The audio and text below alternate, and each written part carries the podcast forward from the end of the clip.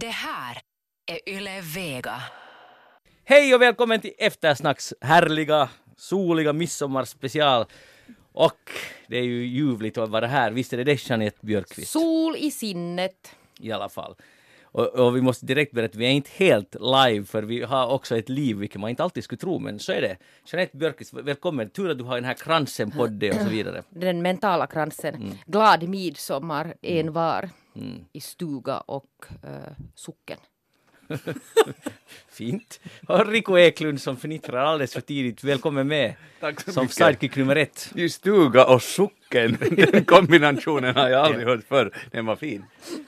Rico, finns det någon socken ännu kvar i Finland? Liksom? Mentala socknar finns det säkert många, men, Många, men, ja. men ingen tror jag verklig socken. Nej, Och inga köpingar heller. Nej, inga köpingar, nej, det, jag tror de försvann på 70-talet redan. Haga köping finns inte läng- längre. Maria Waström, välkommen med. Tack! Hur- Glad midsommar! Stämningen är på topp. ja!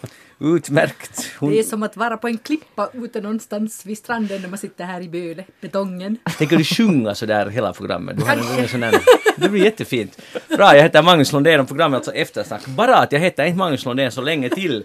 För idag har vi vår vana trogen, antar vi vår lite äh, nya namn, alter egon. Och äh, idag har jag bett er forska och jag ville att ni skulle vara era partners mammas flicknamn i efternamn. Och jag föreslår att svärmors flicknamn. Ja men alla är inte gifta. Nej men vet du Jag är svärmor. gift nu för tiden men att det där... Gratulerar! Grattis! Nu var det offentligt. Nu är det offentligt första gången. Efter 20 vadå, hur många år? Ja, det var väl visst 24 har jag Ja. hört sägas. Men alla är inte så snabba Jeanette som Nej. du. Nej. Men nu ska vi inte tala mer om det. Eller vi kan om, om ni vill men eh, i alla fall partners, vad var det du sa? Svärmors Svärmors. flicknamn plus ditt eget andra namn. Ja, jag har ju tre namn. Allt ja, välj det finaste, eller det du tycker mest om. Det där, eh, då ska jag kunna vara Helena Martin. Det låter som att de skulle jobba på Kulturfonden. Eller hur? Ungefär, ungefär något i den stilen. Ja. Har du tänkt på att söka jobb där? Absolut varje dag. Jag känner att jag skulle faktiskt vara lämplig för att jobba inom fondvärlden. Jag är just tillräckligt saklig för sånt. Som klippt och skuren. Eller hur? Ja, bra. Uh, Rico Eklund, vi glömmer vi Rico för en stund. Och vad, vad är ditt nya namn? Knut Kotilainen. Knut Oh, Kotti- Kotilainen. Det var ju väldigt fint. Ja, Var, skulle du, var borde Knut jobba? Vad jag tror att han är, eh, jag tror att han är mm, vice dirigent för Flottas musikkår. Men det borde heta Nuutti Kotilainen. Nej, det är just så att han är Knut Kotilainen, tai Knut kanske. Knut. Knut Kotilainen, välkommen med till Eftersnacks midsommarspecial. Tack så mycket. Och Maria Waström, vi glömmer nu det. Ja. Henne för en stund. Vem är du? Och plockar fram istället Linnea Enkel. Oj, oj, oj, oj. Du jobbar nog på fonden med mig du. Näpp, näpp, näpp. Linnea Enkel har just gett ut Ja. sin andra diktsamling. Absolut, Ja. jag tror mera på det. Den första är lätt att göra men den andra det är där det blir svårt. Hur gick det för dig Linnea? Jag tror att det gick rent av ganska bra. Av bara farten? Ja, ja. Men, men du är en sällsynt Förstås begåvning. ångest och sånt här medan eh, processen var, var det där igång. Men sen vet du när man, när man slutför arbetet så, och märker att publiken tar en med storm så då känns det bra. Och var hämtar du din inspiration? På Ja. Klippan? Nu är det väl nästan där ute bland de här eh, vad heter nu de här segatallarna ute i Mar. Martallarna. martallarna ute i skärgården. Där hittar Linnea Enkel sin inspiration. Ja.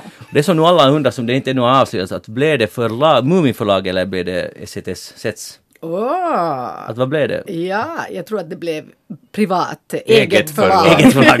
Just det. Bra. Och man ska inte alls för, förringa det. Det är bra att det finns egna små förlag. Så jag, jag uppskattar det. Den här Fint, fint. mångfalden i svensk Du, Finland. du ska få ett exemplar i, i gåva. Det är sant. Utmärkt. Och mitt glöm Magnus Lundén, han är, finns i det förgångna. Här istället nu Henrik av Hörlin. Men nu vet vi, var jobbar jag? För jag tydligen jobbar jag inte mer på eftersnack. Men du är nog alltså det där någon fonddirektör. Ja, det är Du är sant? tydligen Jag chef tror att han för är den här andra jordbrukare. damen. Ja. Jordbrukare, torpare. Nej. Inte Torpare, du har något lite större torp tror jag. Nu ska vi till och med upp mitt eget namn så jag inte ska glömma det här på mina papper. Utmärkt! Här har vi en ny skara med nya livserfarenheter på plats. Fondarbetaren, vad var det, musikdirigent, Ja, musikkår. vice, vice dirigent Just det. för Flottas musikkår. Och poetissan. och, och sen har vi då en jordbrukare av som äger lite större. Är det, har jag en herrgård? Jag tror Det, nästan det måste låter nästan vara så. då. Ja. Händiga Berlin, ja. Ja. Hoho. Det är inte så, inte så illa. Så där snabbt kan det gå ibland. Hej, bra. Det är alltså midsommar och programmet alltså eftersnack. Vi ska rulla på i, i två timmar i princip. Första delen är 57 minuter, som ni vet. Sen kommer det nyheter, ni blir lite uppdaterade på allt elände. Sen kommer vi tillbaka till verkligheten i eftersnacksverklighet 46 minuter. Och det där. Och sen är det slut. Sen är ni fria att göra precis vad ni vill. Men än så länge har vi er Fångna. fångna i våra klor. Då, jag, måste, ah, jag måste börja med det viktigaste. Nu har han Vi- kommit ihåg det den här gången. Vi har ju en lång, lång, lång tradition med att dricka Retsina i eftersnacks midsommarspecial. Dåliga nyheter att nu blir det ändring i den saken. Har de slutat sälja Retsina? Nej, vi har bara bytt märke till ett annat Retsina-märke. Som heter Retsina. Som heter Retsina eh, Traditional Appellation Dry White.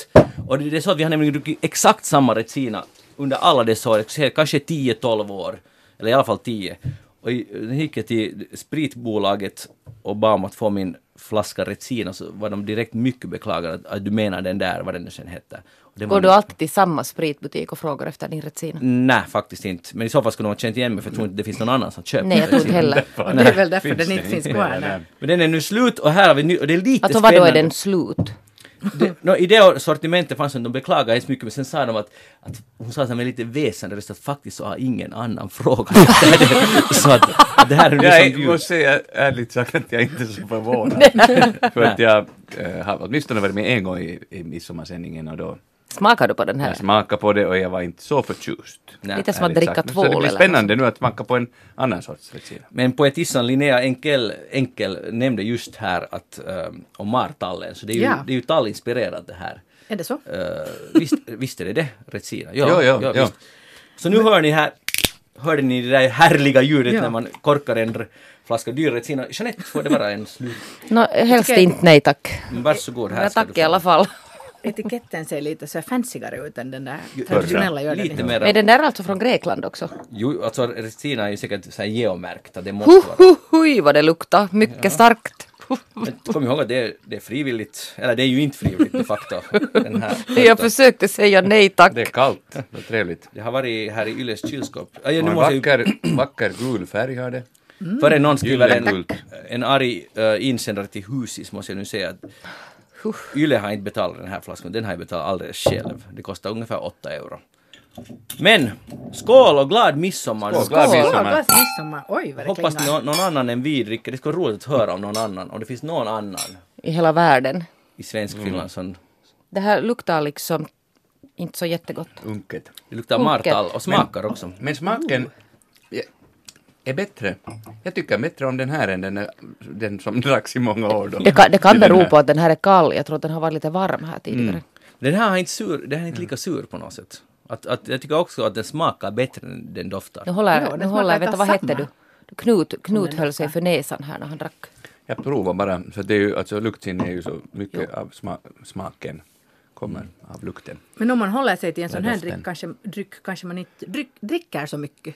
Ja, Kan Det, det vara så? var bra poäng. Vi har min, minst, ja, för en gång blev det över från eftersnacksprogrammet så tog jag den de facto också på riktiga midsommar. Och eh, det är ju så här att efter en stund så så vänjer man sig helt enkelt. Att det, det, sjunker, det sjunker helt bra. Ja, det och, och det så. blir riktigt gott. Eller sådär. Var det mot småtimmarna någon gång? Var det sen efter några andra flaskor först? Ja, Det kanske det var så. Kanske det var så. Hej, det där, nu är klockan lite, vad är den, kvart över tre ute i stugorna, också i socknarna, Jeanette, eh, förlåt, Helena, Martin. Eh, så det där, jag brukar fråga det här, det här är en viktig fråga, var är du just nu? Det är en mycket bra fråga. Det kan hända att jag eventuellt är det där i en bil på väg till Nådendal med mitt barn för att träffa min man. Aha. Han, ah, okej, han har varit stationerad någonstans. Han har varit stationerad där nu ja. Och tänker ni bara hänga, ni, ska ni gå på När Muminvärlden? vi ska dansa det där kring midsommarstången, det var ett skämt. Jag vet inte om det finns det där. midsommar. Ni, kör till Nådendal och that's it. ja, eller nej, nu när jag jobbar på fonden så, det, så hör det ju definitivt till. Ja. Jag måste nog söka reda på någon midsommarstång och det där börja dansa små grodorna. Och så kan du dela ut några broschyrer om nästa ansökningsperiod eller något Ja. sånt. För det behövs nya, nya livskraftiga Ja, projekt. det behövs det verkligen. Nu när Linnéaren har gett ut sitt, sin samling. andra Ja, tack för understödet. ja, just det, ja, ni samarbetar. Jag är helt utanför Hur är det med här den här Jag också- jag är- orkestern? Som Knut Kotilainen. Jag är självgående också, men Knut Kotilainen, berätta. Vad finner du, är du på dirigentuppdrag någonstans? Ja, det är jag väl, ja. Eh, Jag vet inte vem jag nu ska berätta om, om Knut Kotilainen eh, har säkert semester.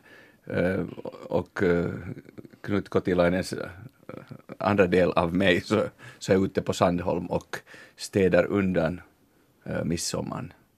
Eh, Städar midsommar- undan? Städar undan midsommarstarten som försiggår på Sandholms förbindelsebåtsbrygga ungefär klockan 12. Och så hänger alla där. Alla är välkomna, alla grannar och vem som råkar vara med, gäster och så. Och så dricker vi skumpa där och det har blivit mera och mera. Folk hämtar med sig smörgåsar och snittar och allt möjligt. Jätte, och, Retsina kanske? Nej, inte Retsina utan det är skumpa eller champagne. Och, och sen när förbindelsebåten kommer så bugar vi alla tre gånger och så sjunger vi en liten sång. Vad är det för en sång? Förbindelsebåten, förbindelsebåten, välkommen hit, förbindelsebåten, förbindelsebåten, välkommen hit.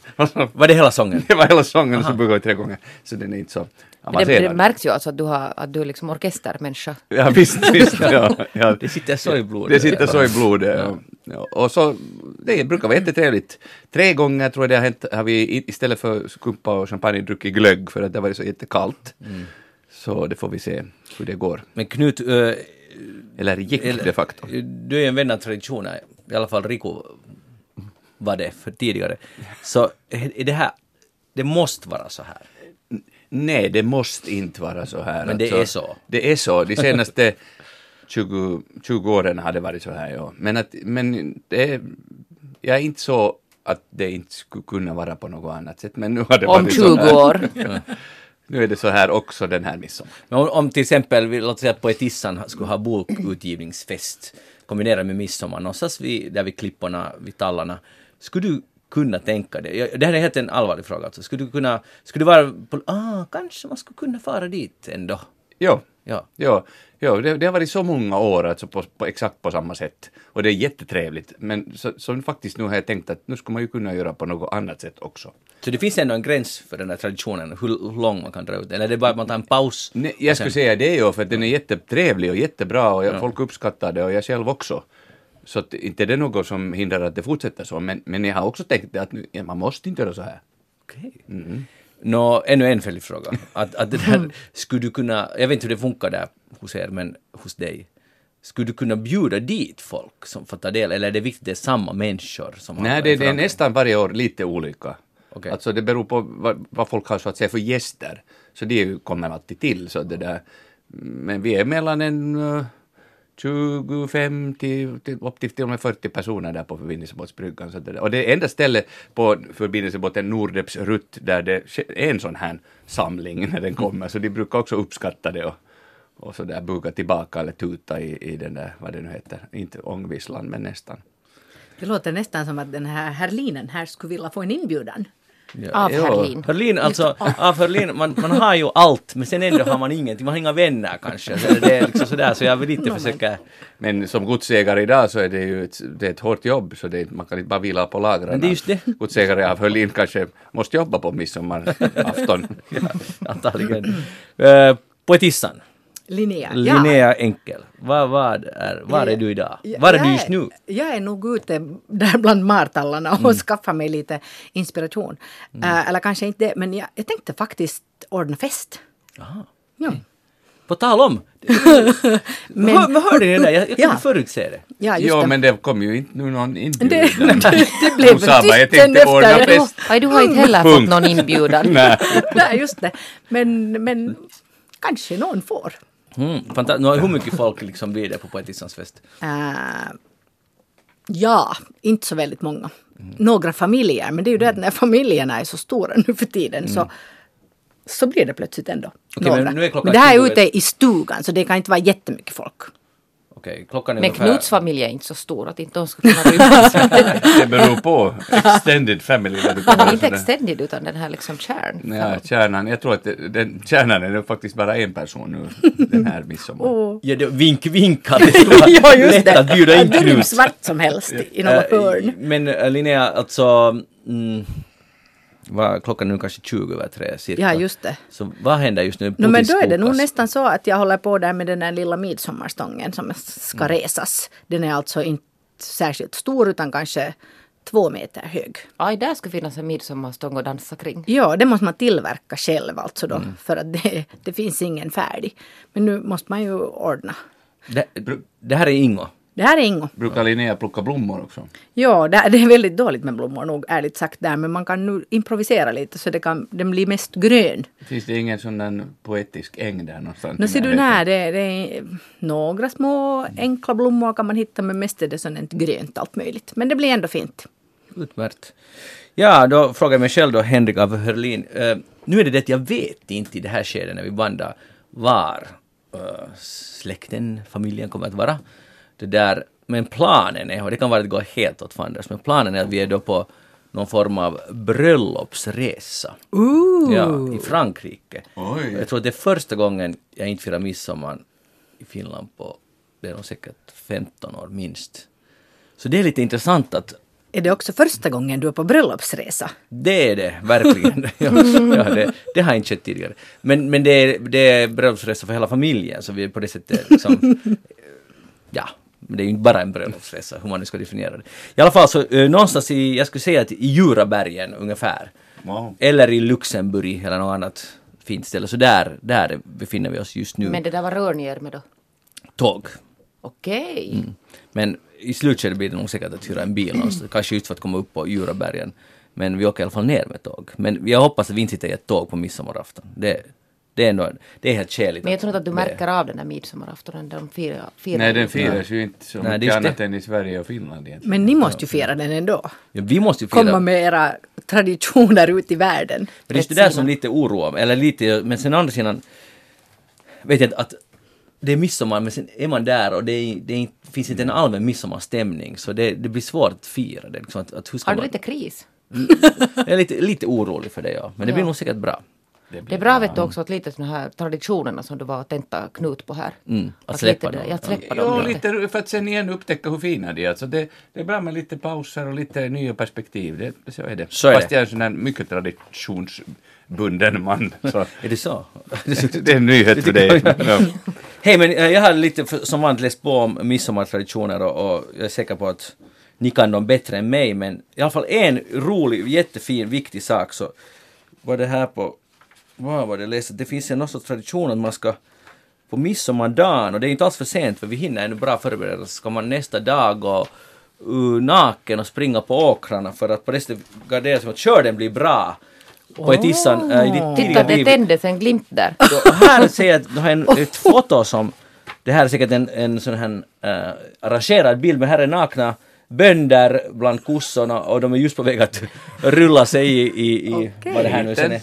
Ja, Koskit ser det ut som. Ja, därför är den kanske arrangerad, för jag tror inte att den, de sen gjorde det. Men jag blev jätteglad när jag såg det. När jag ser de här finländarna, eller är det svenskar, det är det svenskar, men i alla fall på väg att jag känner att det här är liksom bra, en Men bra där sak. har du ju någonting för din familj sen när ni är där i Europa. Kan ni hitta någon åker och springa Jag tror att jag skulle bli hemskt ensam i den... den tror vi är ju många. också här på den här herrgården så kunde det vara ganska ensamt. Men Mm. ja, det var ju jätteskönt ur min synvinkel att jag inte längre var den där jordbrukare Waström. ja, annars skulle du ha haft programmet klart för, för Ja. midsommardagen.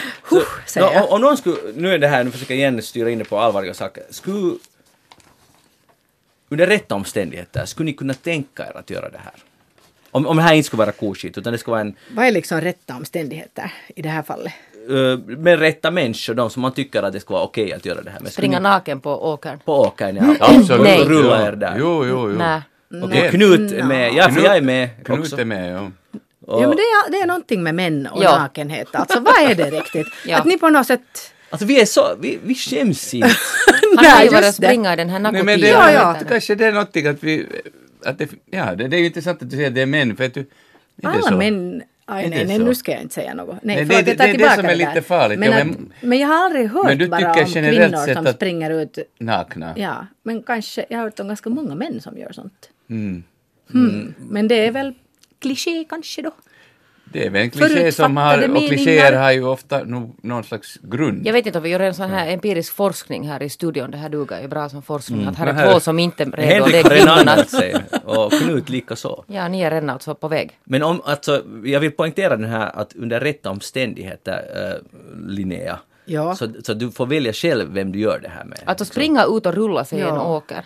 Ja, men inte Det är ganska stickigt alltså i en åker, visste du det? Ja, men om, om Nej, men det beror på hurdan, alltså jo om det är en sån här som är skördad liksom, men det är ju inte, det ska vara en sån här äng, sån här mjukt. Ja. Alltså Ja. inte, inte tänk på, på mjukt gräs Alltså att och... springa från en bastu ut i vattnet. Nej, vi talar nu om Det är ju ängen. Nej, jag själv vet du, ah! Så där när det är varmt och oj, och sen doftar det där gräset Och sen är det en massa fästingar som sitter och kittar på det här lurarna. Ja, ja. Alltså, hör på den här nojigheten. Jag vet inte. Jag är tur glad att Knut du är med i Ja, studion. vi, Ja. När ska vi göra det här? Ja, no, jag, jag är helt redo. Alltså jag skulle de facto inte bara kunna tänka mig att göra jag skulle vilja göra Men det. då kan ni ju fråga den här jordbrukare Wastrom om ni får låna hennes Ja, ås. ring, henne! Ja, men alltså det är just det att Riku gjorde det blev ännu mer poetiskt Li- Linnea för att det. han talar om den här sommarängen Ja. och, och den friska luften och, och då är Men det ju jag helt perfekt. också. Har du? Att erbjuda. Du sa just att det finns inga blommor där. Ja, nej, inte där ute på stugan men, Ja. Ah, men hemma på gården. Ja, Nu förstår jag. okej. Ja. Det är lite olika på olika Det är, ställen. det är väldigt olika. Ja, Ja, i din alltså lilla det går gård. nog att ordna. Okej, det går att ordna. Men, men, och jag menar just den här, den här viltåkern, vet du, där växer blommor och sånt. Så det skulle kanske passa och det är just så här lämpligt borta, långt borta från stora vägar och sånt. Att, Mm. att, att nu inte alla ser. Mm. Men nu passade ju godsägare av Hörlin att vara lite excentrisk som den gamla godsägare du är. Han har säkert Att egna springa åkrar omkring att naken erbjuda. där på mina egna Ja. eh, Ängar, blomsterängar. ja. Och alla ser lite mellan fingrarna för att han är ju ändå godsägare. Ja, det säkert han får sant. göra som han vill. patronen. Ja. Patronen, ja. Det, det ger vissa friheter nog det Det där. är det. det är mycket ansvar men också frihet Ja. att ha sådär stora ägor. Det där, okej, eh, bra, men har ni någon bättre tradition att erbjuda än... Än att springa vad nakna heter på... det? Helena Martin erbjuder säkert bara nubben och sillen eller vad är det du har Nej herregud, komma med? sill är ju det sista jag skulle äta. jag är jättedålig på midsommartraditioner. Finns det en enda? Nå, det där om det är soligt så kan jag sola också då.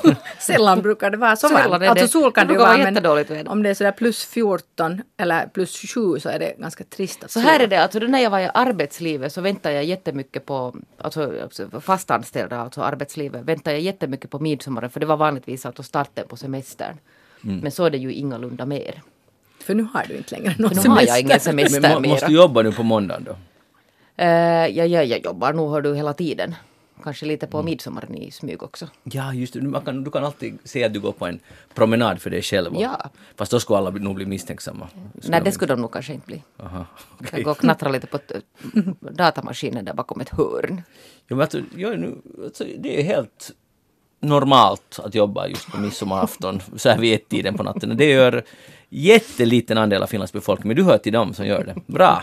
Bra gjort. Mm? Vi brukar fortsätta, eller oftast så bjuder min bror de flesta grannar till sig sen på kvällen, alltså midsommaraftonskvällen samlas vi igen. Först den här då midsommarstarten på, på förbindelsebåtsbryggan och sen åker alla till sig några timmar och sen samlas man igen på kvällen hos honom.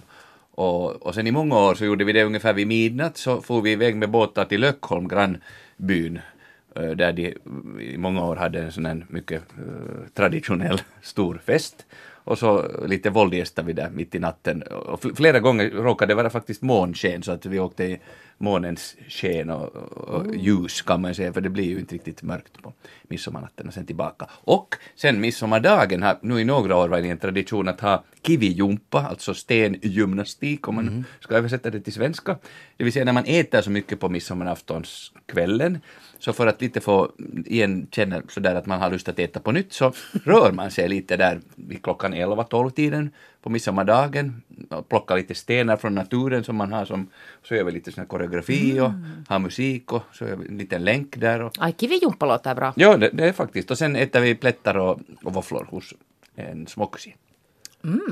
Plättar och våfflor. Ja. Det är, här kommer helt nya traditioner. Och hur är det hemma hos Linnea? Ja. Eh, familjen Enkel, förlåt. Vi, vi skapar nu nya traditioner. Vi har nog en ganska lång tradition av att, att fira på Åland faktiskt. Men nu blir det då inte så. Där är det just så traditionellt med midsommarstång och allt det där som är ganska fint. Men nu så måste vi då lite, eftersom vi inte är där, så ordnar vi då våra egna nya traditioner. Jag tror att det ska bli uh, sjukamp Vi- Vilka med, grejer? för, för de här gästerna. Men det har jag inte riktigt funderat inte, ut inte ännu. för dig. Världarna behöver Eh, inte Nej, just det. Ja, kanske, kanske några. Det måste vi lite fundera på. Men vet ni, man, sådär att man just... eh, man måste lite tävla med varandra så blir man på så här lämpligt festhumör sen efteråt. Jag, jag tror att det funkar så. Mm, Ja. kan- Det kan vara bra. Måste fundera på det. Jag läste på Visit Finlands sidor om, om midsommar, alltså de, det är alltså det som försöker locka turister till Finland. Det var en artikel som säkert hängt kvar där en tid, men det var midsommar, det är Go Peaceful or Go Party. Och nu tänkte jag fråga, var står ni på den här skalan? Det finns alltså, man, antingen är det party eller peaceful, enligt Visit Finland. Party. En, en Linnea är party, och, och hur är det för Knut Kotilainen? Är det Knut Kotilainen, alltså det är just midsommarafton nu som talas om, eh, så överlag. Nej, nej, alltså det är ju just midsommarafton. Ja, så då är det party. Party. Det där, um, det är nog säkert party men, men det där, men kanske lite mittemellan där. Att inte, inte liksom... jag menar, jag- Peaceful party kanske. Peaceful party. Mm. För jag festar, sen när jag festar så, så festar jag ju, då är det ju party. Och midsommar är inte Är liksom, det inte peaceful när du party? midsommar är inte riktigt så, sån party som jag tänker är party. Nej, just det. Och, och jag, det måste, kan jag nog bekräfta att, att när, när, när du festar så är det ju inte peaceful på det sättet. nej, nej. Så det, det, det är nog sant. Det, Det är jag sant. drar också på mina smilband här. Just det. Um, mm. Men Och du då? Nu- midsommar så är det nog party, men det kan ju vara att nu där i Djurabar, bar, Djurabergen så är det mera peaceful. Men ni Det- ska det- springa, där kan ni springa nakna omkring. Som sagt så jag skulle vara mycket ensam i, den, i det projektet. Ta familjen med dig, det är fem Ja, stycken. det, aha, det har inte liksom fortplantat sig Nej, inte överhuvudtaget. Tvärtom. Nej. Aha. Det, det har liksom murrats igen helt och Ja, hållet. det brukar väl vara just det där med Man följande reagerar generation. emot. Ja. ja. Alltså- Och kanske sen om 20 år. barnbarnen kanske. Mm. För att jag var med då i Nakukimpi, jag har ju nu talat om det här, nu talar vi inte om det men jag bara säger att, att det har inte bemötts med liksom glädjerop i familjen. Pappa sprang nej, nej, det är inte alls bra. Jag kan förstå det. Men jag, jag, det, just den saken struntar i vad de tycker. Annars är det viktigt vad de tycker. Men den här saken har de, det är ju Ibland har unga generationer fel helt enkelt. De förstår inte sitt eget bästa. Men det där, eh, ännu om, om Visit Finland, det här var mycket om det här att ska man fira midsommar i stan eller inte? Oj, jag har firat många Har midsommar. du, i vad stan. fantastiskt! Hur är det? Det har jag jag är så gjort nyfiken faktiskt. på Det det. Och det har blivit allt, får jag bara säga att de säger att den urbana generationen, att det blir allt vanligare att vara i Vet, vet du stan. Magnus, det här sa jag ju redan för tio år sedan i detta program. Att det blir allt vanligare att folk firar i, i stan. Det är inga, alltså förr var det ju så att det var helt dött. Jag tror att förra året så var vi faktiskt i stan, då var vi på Följsön. Och där är ju allt, det har ju varit helt Men det är ju Det var jättemycket människor. Ja, men det är ju, det är ju det har ju alltid så att säga Jo. varit, men, men utöver födelsen. Utan nu talar vi om mycket modernare. Jo, alltså strandmidsomrar och, och sån här liksom picknick i parken med massa polare, sån här citysinkon som jag tillhörde ganska länge. Det var jättetrevligt. Ja, alltså jag, kan, jag har inte alls svårt att tro på det. Tvärtom blir man lite intresserad. För att just tomma gator, nu är det ju ändå mycket tommare Det är normalt. mycket tommare och, och mycket mindre bilar till exempel. Så det är ju nog sådär. Och sen är det på något sätt, de som är kvar alltså i stan är ju utöver då förstås turister. Så det är de här alltså. De här, Partyfolk. I- Partyfolket men sen också alltså de här riktigt de här urbana människorna som kanske nu inte trivs så jättebra på, på stugor. Det finns såna också. Det finns ja. Jag blir alltid förvånad. Jag har några bekanta som, som jag har liksom inviterat då ut till sand. Nej, nej, att, kan man komma till, bort samma dag? Så säger jag, nej, Ja. nej. Går vill dit jag bli- spårvagn? Är det ute? Där? Ja, nej, nej, tack, det är hemskt snällt, men nej, jag tror nog inte. Och jag, jag tycker att den där typen av svar blir allt vanligare. Att det, har, det har ju nog skett en stor förändring och också det här att det är inte alls mera självklart. Och det är ju helt fräscht, det finns alltid någonting men att man ens ska ha en stuga, man ska ha ett landeställe, sommarställe. Mo- Det är många som inte har haft av andra orsaker tidigare men nu är det jättemånga som inte vill ha. Och jag är inte alls intresserad av det livet, sommarstugelivet som är ja, nu är en ganska långa traditioner ändå i, nor, Norden. Men det håller på att falla, eller delvis falla bort. Ja, eller folk kanske vill ha kvar det men bara en kort tid så att de är hellre då hyr en, ett ställe för några Ja. veckor. Och det är ju ekonomiskt mycket vettigare. Ja, ja, men det... Ja, ja, så är det ju. Men det är ju inte samma sak. Linnea, Har staden. faktiskt en gång under sin studietid också tillbringat midsommar i stan. Så att jo visst. Men jag tror att det var enda gången i hela livet. Mm. Jag, jag har en gång firat midsommar i Sverige. Och det var, det var ganska här, alltså för det, det är ju ännu större på ett sätt kanske. Eller Åtminstone, eller vad ska jag säga, de här sådana här traditioner med att dansa kring midsommarstången och, och sånt här. Det, det var åtminstone för mig då, det är länge sedan, eh, en, en stor upplevelse med alla de här sångerna och man skulle dansa uh, små, Små små, små grodorna. runt midsommarstången och sånt som jag aldrig hade gjort i Finland. Men det gör man ju nog de facto i Finland också, just till exempel Har du dansat små grodorna i- Absolut. I Finland? På Åland, ja. Det räknas väl. Jo, jo, jo, jo det Eller är hur? till Det är nog Finland. frågan men, om alltså. Men Åland men- är ju nu Åland. Nå, Åland är Åland, ja. Nu är det så här att Helena Martin har fått vä- välja Kulturfondens låt. Det är lite överraskande låt om man tänker på att du är utskickad av delegationen. Men, Nej, men det ser du för att jag främjar det här tvåspråkiga Finland också. Det är ju ett sånt viktigt program under 100-årsjubileet som ni förstår. Ja. Det där, jag tror alltså, nu kan det hända att jag har helt fel för jag, jag har ju inte kanske världens bästa minne heller, men jag tror att jag alltid brukar försöka spela en finsk låt. eh, När jag får välja. Och nu det där, bara för att göra det enkelt för dig så jag ville ju egentligen spela vet du, någon sån här typ Nicke Ankara eller någon sån här rap liksom. Någon sån här, jag tänker att det kommer du aldrig att lyckas hitta så jag valde alltså en mycket traditionellare låt. Eh, Eftersom midsommaren är sån här romantisk, är det inte romantiskt? Sådär. Jo. I regel. Ja, brukar får jag vara. säga, de facto så läste jag just, och det här är säkert inte alls någon nyhet, men i alla fall i Sverige så föds det överlägset mest barn kring den 22 mars. Just Men det. det visste vi nog. Ja, men Jag är född den 17 mars. Ja, Nå den just 13. Det jag är midsommarbarn. Men så valde jag alltså Ja. Jukka Tapio Karjalainen, alltså J. Karjalainens sån här helt alltså legendariska låt Hän. och den ska vi nu få Hen. njuta av och vi är tillbaka om en liten stund.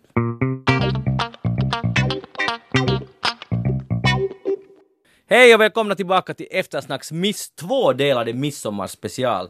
I studion har vi personen som tidigare var känd som Jeanette Björkqvist, numera fondansvarig, eller vad ska vi säga, Nej, jag är nog alltså helt bara vet en sån här vanlig. tjänsteman. Helena Martin, välkommen. Tack. Vi är, eller du har ju redan varit här men Tack, tack. Det är bråda tider på fonden. ja, just nu kring midsommarafton är det nu, det är hårt där på kansliet. Sen har vi uh, Knut Kotilainen, tidigare känd som Rico Eklund. Hejsan igen. Hej, hej! Och, Vi har spelat på Mannheims födelsedag, 4 juni. Bra, och det här, sen tog jag beslut. och poetissan Linnea Enkel. Härligt att du fortfarande är med oss. Och jag är- Tidigare känd som Maria Wasström. Och den som, han som förut var Magnus Lundén är numera Henrik af Hörlin. Det är härligt att vara med er här idag och vi har just, just lyssnat på ehm, Helenas låt i Karran hän. Kändes det bra? Jättebra.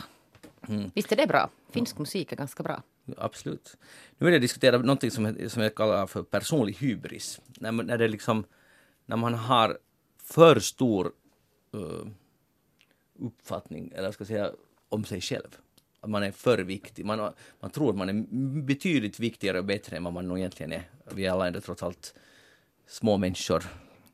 Det där, Jan, vi har inte talat om det här tidigare i eftersnack, men jag blev så fascinerad när jag började sätta mig in i den här saken. Jan Karbat, han var det där holländsk eh, läkare och chef för ett fertilitets eh, sån här klinik på 80-talet tror jag.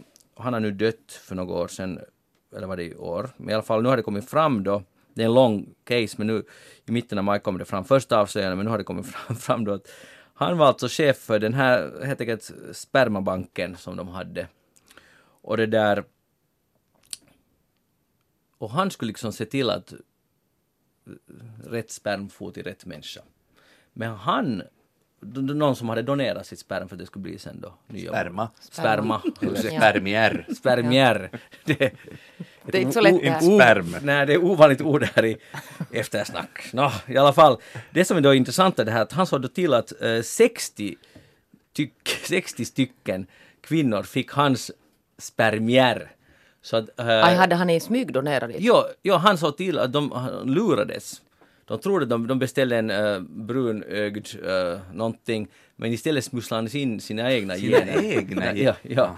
Och han var läkarchef för den där instansen. Och det betyder Han ville liksom att det skulle avlas mycket av honom Ja. själv. Och, han, och sen hade en kvinna, Monique Wassenaar, som är 36 år gammal idag, som är då hans, sannolikt hans, äh, Jane, hans papp, hennes pappa. Så hon hade träffat honom äh, för 2010, för 20 år sedan. Och, och, och han hade sagt att att han, han, han tycker inte alls det är konstigt det här för att, att äh, jag, är, jag, är, jag är frisk och är god liksom vigör så här.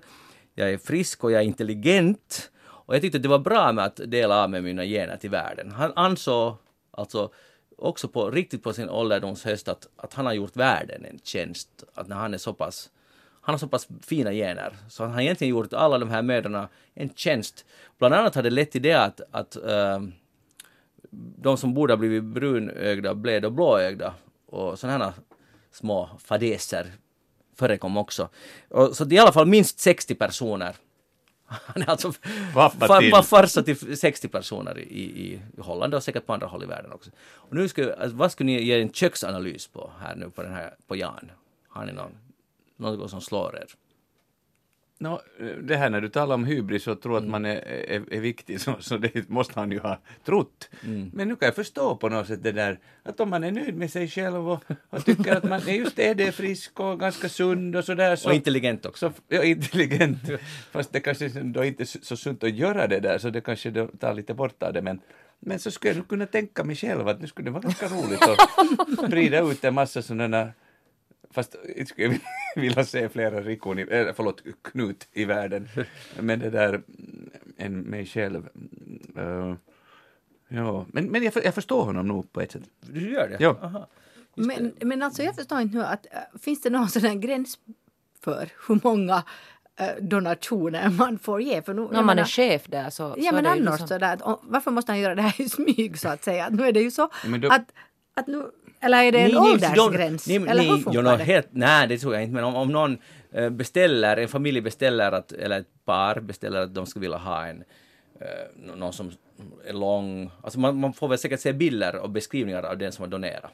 Kan jag tänka mig. Kanske inte Nej, foton. men? Inte bild. Nej, inte foton. nog Nej, nej, men man får, man får garanterat beskrivet. Jo, det finns alltså någon sån här formulär där det står Ja, kruxat liksom si och så lång och Men inte bruna kan man nu väl beställa en blåögd? Nej, men om det finns tillgängligt. Och då har Jan struntat i det vad de har kruxat i.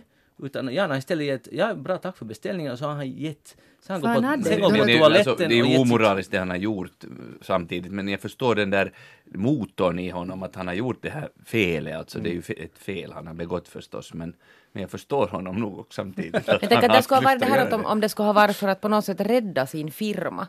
Men det är ju inte det som det, är ju inte Men som hen- det henne, om. godsägare av Hörlin, Ja. känner ni inte igen det här?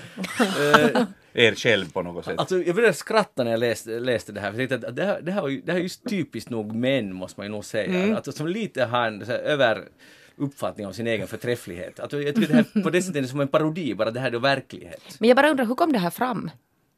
Uh, Medgav han själv eller var det någon som bara tyckte att han hade sagt på sin, i hans någon form av testament eller något som hans sista önskan var att det får sen inte göras något DNA-test på, på honom. Så man får inte börja jämföra, börja spåra upp att, för nu vill ju alla de här Veta. som börjar misstänka att, att, att hej, tänk om Jan är min farsa egentligen. Så vill börja göra DNA-test och det vill den här släkten förhindra för det kommer då att sprida sig. Det finns otroligt många Jan junior ute i Europa. Men nu finns det ju hos många djurarter, den där, alltså hos hannarna, den här liksom driften att sprida eh, sin sed. Enbart djur då? Ja, men vi är ju ett djur, vi är ett djur men vi är människor också. Alltså, det är det jag menar, alltså, att det finns hos, inte bara människan, utan hos många djurarter. Alltså det att, att sprida på, ut åt så många olika så att det ska bli många, eh, att man ly- lyckas avla många så att säga. Men om jag har förstått rätt så är det idag, åtminstone i Finland, så är lagstiftningen sån att om man eh, donerar mm, är, är, eventuellt är det både äggceller och spermier så då är det så att, man, att det här barnet som sedan blir till eventuellt så har sen rätt att få veta vem det är som har donerat. Att så var det ju inte tidigare. Jo, så då blir- måste man ju få veta att, Ja, men det måste ju finnas När man blir liksom... myndig, va? Är det så? Ja, något sånt. Ja men alltså Linnea, du måste förstå att han har fuskat. Jo. Att de, om de skulle bestämma, vem är min pappa? Så skulle de svara att ja, det är Wolfgang från Mm, så Stuttgart. han kastade bort det som Wolfgang hade liksom hämtat dit. Ja! Spola ner det någonstans. och gick det själv på toaletten suspekt. och fixade till det. Här, varsågod, här är Wolfgangs Mm, Det var, ju, spermier. det var ju inte rätt moraliskt, men jag förstår Men det, kan man, det är ju det minsta man kan säga. det var, Förstår du Det är ju en underdrift. men, men, men alltså, om ni, okej, det finns en viss förståelse här hos eh, Knut. Det där, och det finns inte förståelse hos, hos Linnea. Hur är det nu med, uh, Helena. förlåt, Linnea, men Helena. Förstår du hur han har tänkt? Att skulle du själv vilja ha 60 barn där ute? Nej, absolut inte. Alltså under inga omständigheter. Och jag förstår inte alltså Men om alls du inte vet om alltså, det. jag, jag förstår på något teoretiskt plan den här, den här, din teori om det här att, att, att hannar sprider sig. Men på något sätt tänkte jag att människan skulle ha kommit lite längre än så. Men det Knut tog dig bort ur den villfarelsen. det var ju det. Men han erkänner att det var moraliskt var fel. jo, jo, men Jo, det, jo. Sen vet jag inte liksom, var var det inte fel biologiskt. Ja, biologiskt är det inte... det är rätt tänkt menar du? Liksom.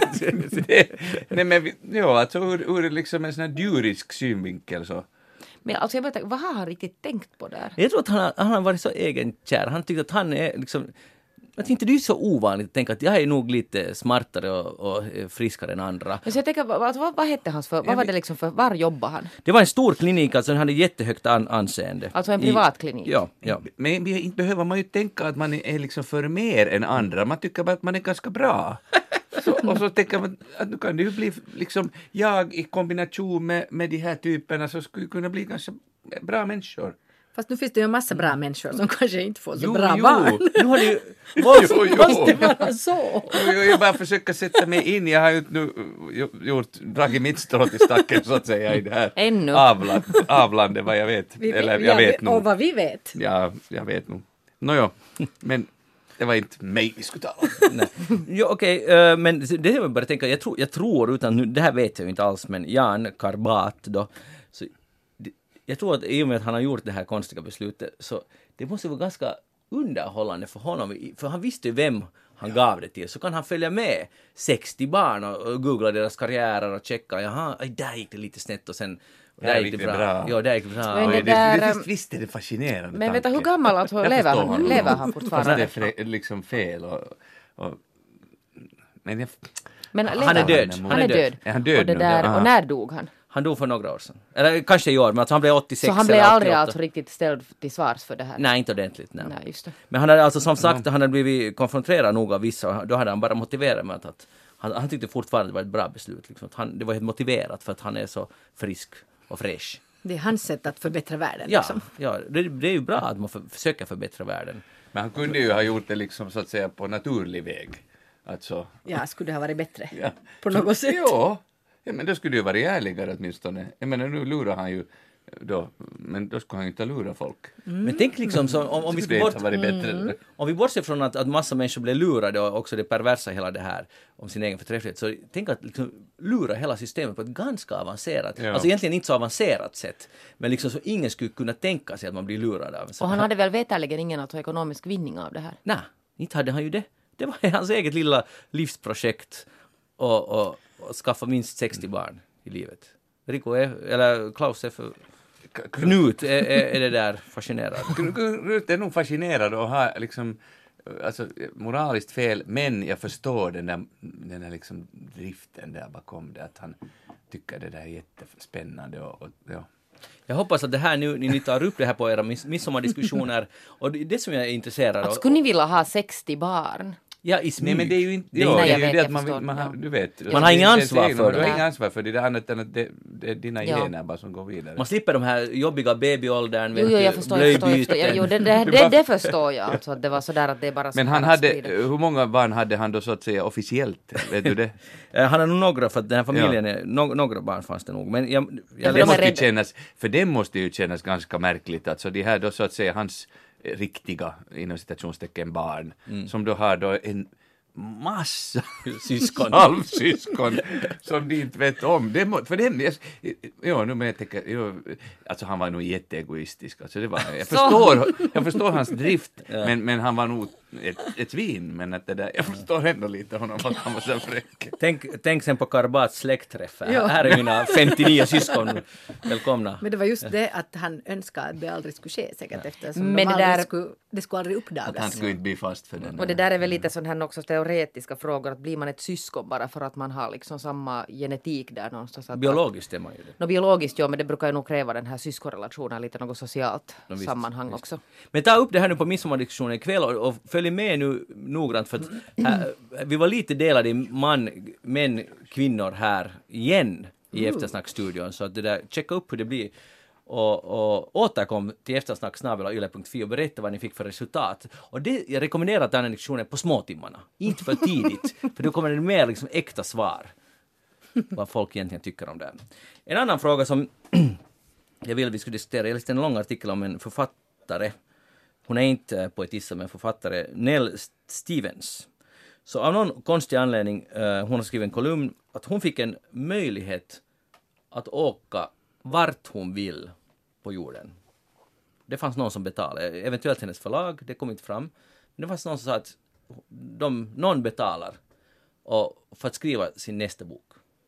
Okej, okay? och, och, jag antar att det tog, jag tror att det tog typ fyra månader något i den stilen. Och, så, eh, och då kommer hon ihåg sin barndomslek, vet ni, när man snurrar på jordgloben och sätter fingret, med slutna ögon och sätter fingret någonstans. Så hon hade alltid varit övertygad om att hon kommer att, för hon har någon gång i en viktig snurring landat hon på Mongoliet, och en annan gång landade hon på Sri Lanka. Så hon har alltid hela livet trott, och, eller vet att hon kommer att fara till de här ställena någon gång i, i livet. För då en gång hade fingret landat där. Men i alla fall nu när hon fick den, på riktigt den här möjligheten så funderar hon en stund och sen bestämde hon sig att hon far till en liten ö som hör till Falklandsöarna, öst, sydöstra, en liten ö i Falklandsöarna som heter Bleaker Islands. Bleaker Island och dit for hon och det där eh, och där blev hon i fyra månader. Jo, där finns inte, inte ett enda träd och ytterst få människor men jättemycket pingviner. Och där satt hon och skrev och när hon inte hade något att göra annat än att skriva, hon hade en kvot att hon måste skriva 2500 ord per dag. Så redan vid, äh, mitt på dagen klockan 12 hade hon gjort det plus läst en, någon, någon annan bok och skrivit dagbok och så var dagen helt fri. Då gick hon ut och promenerade och satt bara och tittade på pingvinerna. Det var alltså ett fruktansvärt oväder för det mesta där. Det, det är ganska vindpiskat område för det är södra Atlanten exakt där. Det, liksom, det här är i princip första ön, det är Sydafrika i nästa. I alla fall, och hon sa att de här stunderna med pingvinerna, att inte med utan hon satt och iakttog dem, som tittar ut över havet, de bara står och checkar. Och det här, det inte fanns något träd och egentligen, egentligen några andra människor, så blev hon den författare hon alltid ville bli. Och den här boken, hon var jätte liksom, nöjd själv med den här boken. Hon blev alltså inte alls galen, men hon sa att hon kommer nog knappast att återvända till den här ön för att det var ganska horror på grund av vädret. Men jag blev ganska inspirerad när jag läste det här och började tänka själv vart skulle man, om man skulle få den här samma otroliga möjligheten, det skulle inte måste vara att man skriver någonting, uh, man kan fara för, för att tänka eller för att jobba med något hantverk eller vad man nu kan tänkas göra. Så nu när ni har hört min intro här, vart skulle ni fara? Men vad hette den där boken? Den hette någonting med Bleaker. Uh, Bleaker House heter boken. Jag har inte läst den. Alltså man borde ju läsa den. Man borde läsa, ja. Det kan vara ganska intressant. Och vad hette författaren? Förlåt, Nell Stevens. Ja, var, var, var, vart skulle ni fara i den här situationen? Och är det här alltså en möjlighet? Fyra månader för er själva. Men man kan ju fara till New York förstås. Mm, jag skulle säkert det där åka till något sånt här varmt land för att jag mediterar allra bäst när jag solar. Aha, det har att göra med det. Du skulle helt enkelt fara till solen i fyra månader. Och, och, ja, bli brun, ligga i solen. Alltså jag på något sätt, jag får, min man kan berätta allt om det här, att hur jag får kontakt med solen. Han kommer att fråga, har du fått kontakt nu? Mm. Att då går jag in i någon sån här meditativa tillstånd och så blir jag brun på samma gång. Men skulle du inte, du skulle inte till exempel skriva någonting samtidigt?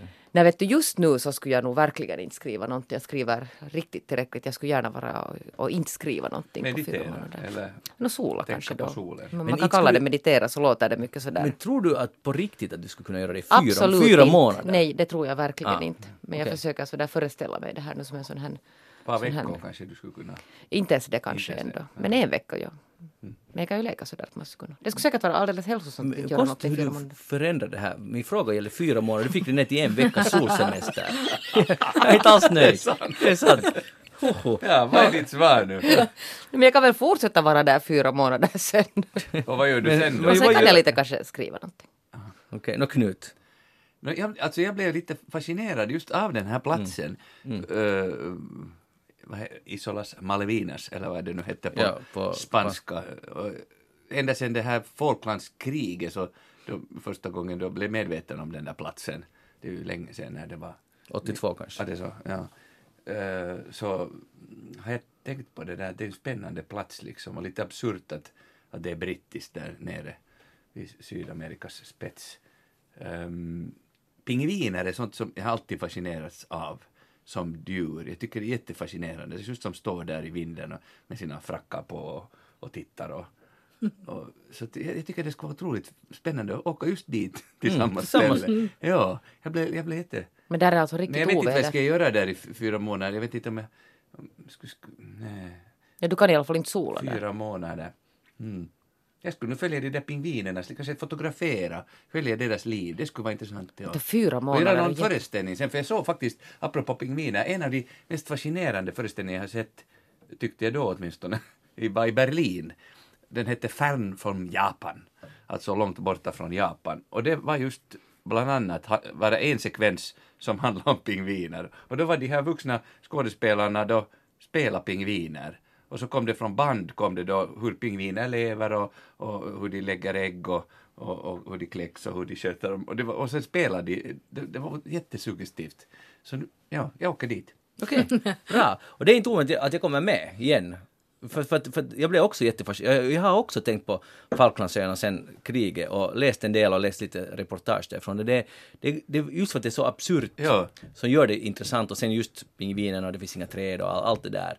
Och sen är det lär det vara otroligt konservativt brittiskt, gammal liksom brittiskt, som säkert är olidligt nästan. Men det ska också vara ganska intressant att se så länge man kommer bort därifrån. Men vad skulle du göra där? Men då skulle jag garanterat skriva.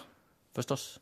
Men, men det är intressant att se vad som händer med en om man är fyra månader på ett ställe, liksom, i princip ensam. Ja, det, det är ju lite så här konstigt förstås. Men, Fast ni är ju inte ensamma om det, den här Nell och sen är nu Knut här. Och Nell du. får- Nell åkte hemren. Och Ah, sen- ja, just det. Henrik, Henrik och Knut. Henrik Ja, och Knut far dit och sen kommer det en del eftersnackslyssnare. Vi kan ha en eftersnackslyssnarresa dit. Knut heter ju förresten Henrik i andra namn så att det där kan bli lite förbistring sen om vi båda åker dit. Knut Henrik och, och Henrik. Ja, det blir lite mycket. Linnea Enkel, Ja, tredje boken. Kommer, Kommer du med? dit? Nej, men, nej men alltså lite har jag tänkt att det skulle vara någon gång roligt att besöka Grönland. Det är ju, det är ju kanske eventuellt lite samma kategori, inte vet jag. Nej, det är det nog inte.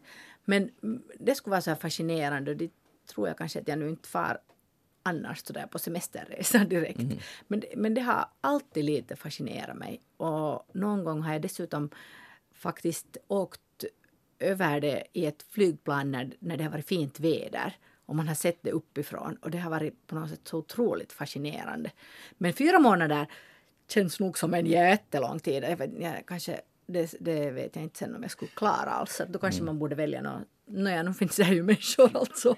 Men jag tror å andra sidan när man sen på en sån här plats där det inte på ett sätt då händer så mycket så tror jag man kommer in i en viss rytm och sen går tiden ganska fort. För det upplever jag alltså på, ute i skärgården, alltså på, på Sandholm. Ut, så att, att när man har eh, någon gång när jag är längre tid, alltså, eller det längsta jag har kanske varit ett streck i tre veckor, men efter ett par veckor så blir det liksom en sån där, så tiden bara, första veckan brukar gå långsamt, andra veckan plötsligt försvann den och tredje veckan är som en dag nästan. Jag vet inte hur den är, det blir någon sån där underlig mm, rytm som gör att, att ti- tiden liksom på ett sätt inte existerar och då går den hemskt snabbt. Så jag tror att, att de där fyra månaderna skulle, skulle gå på ett sätt fort.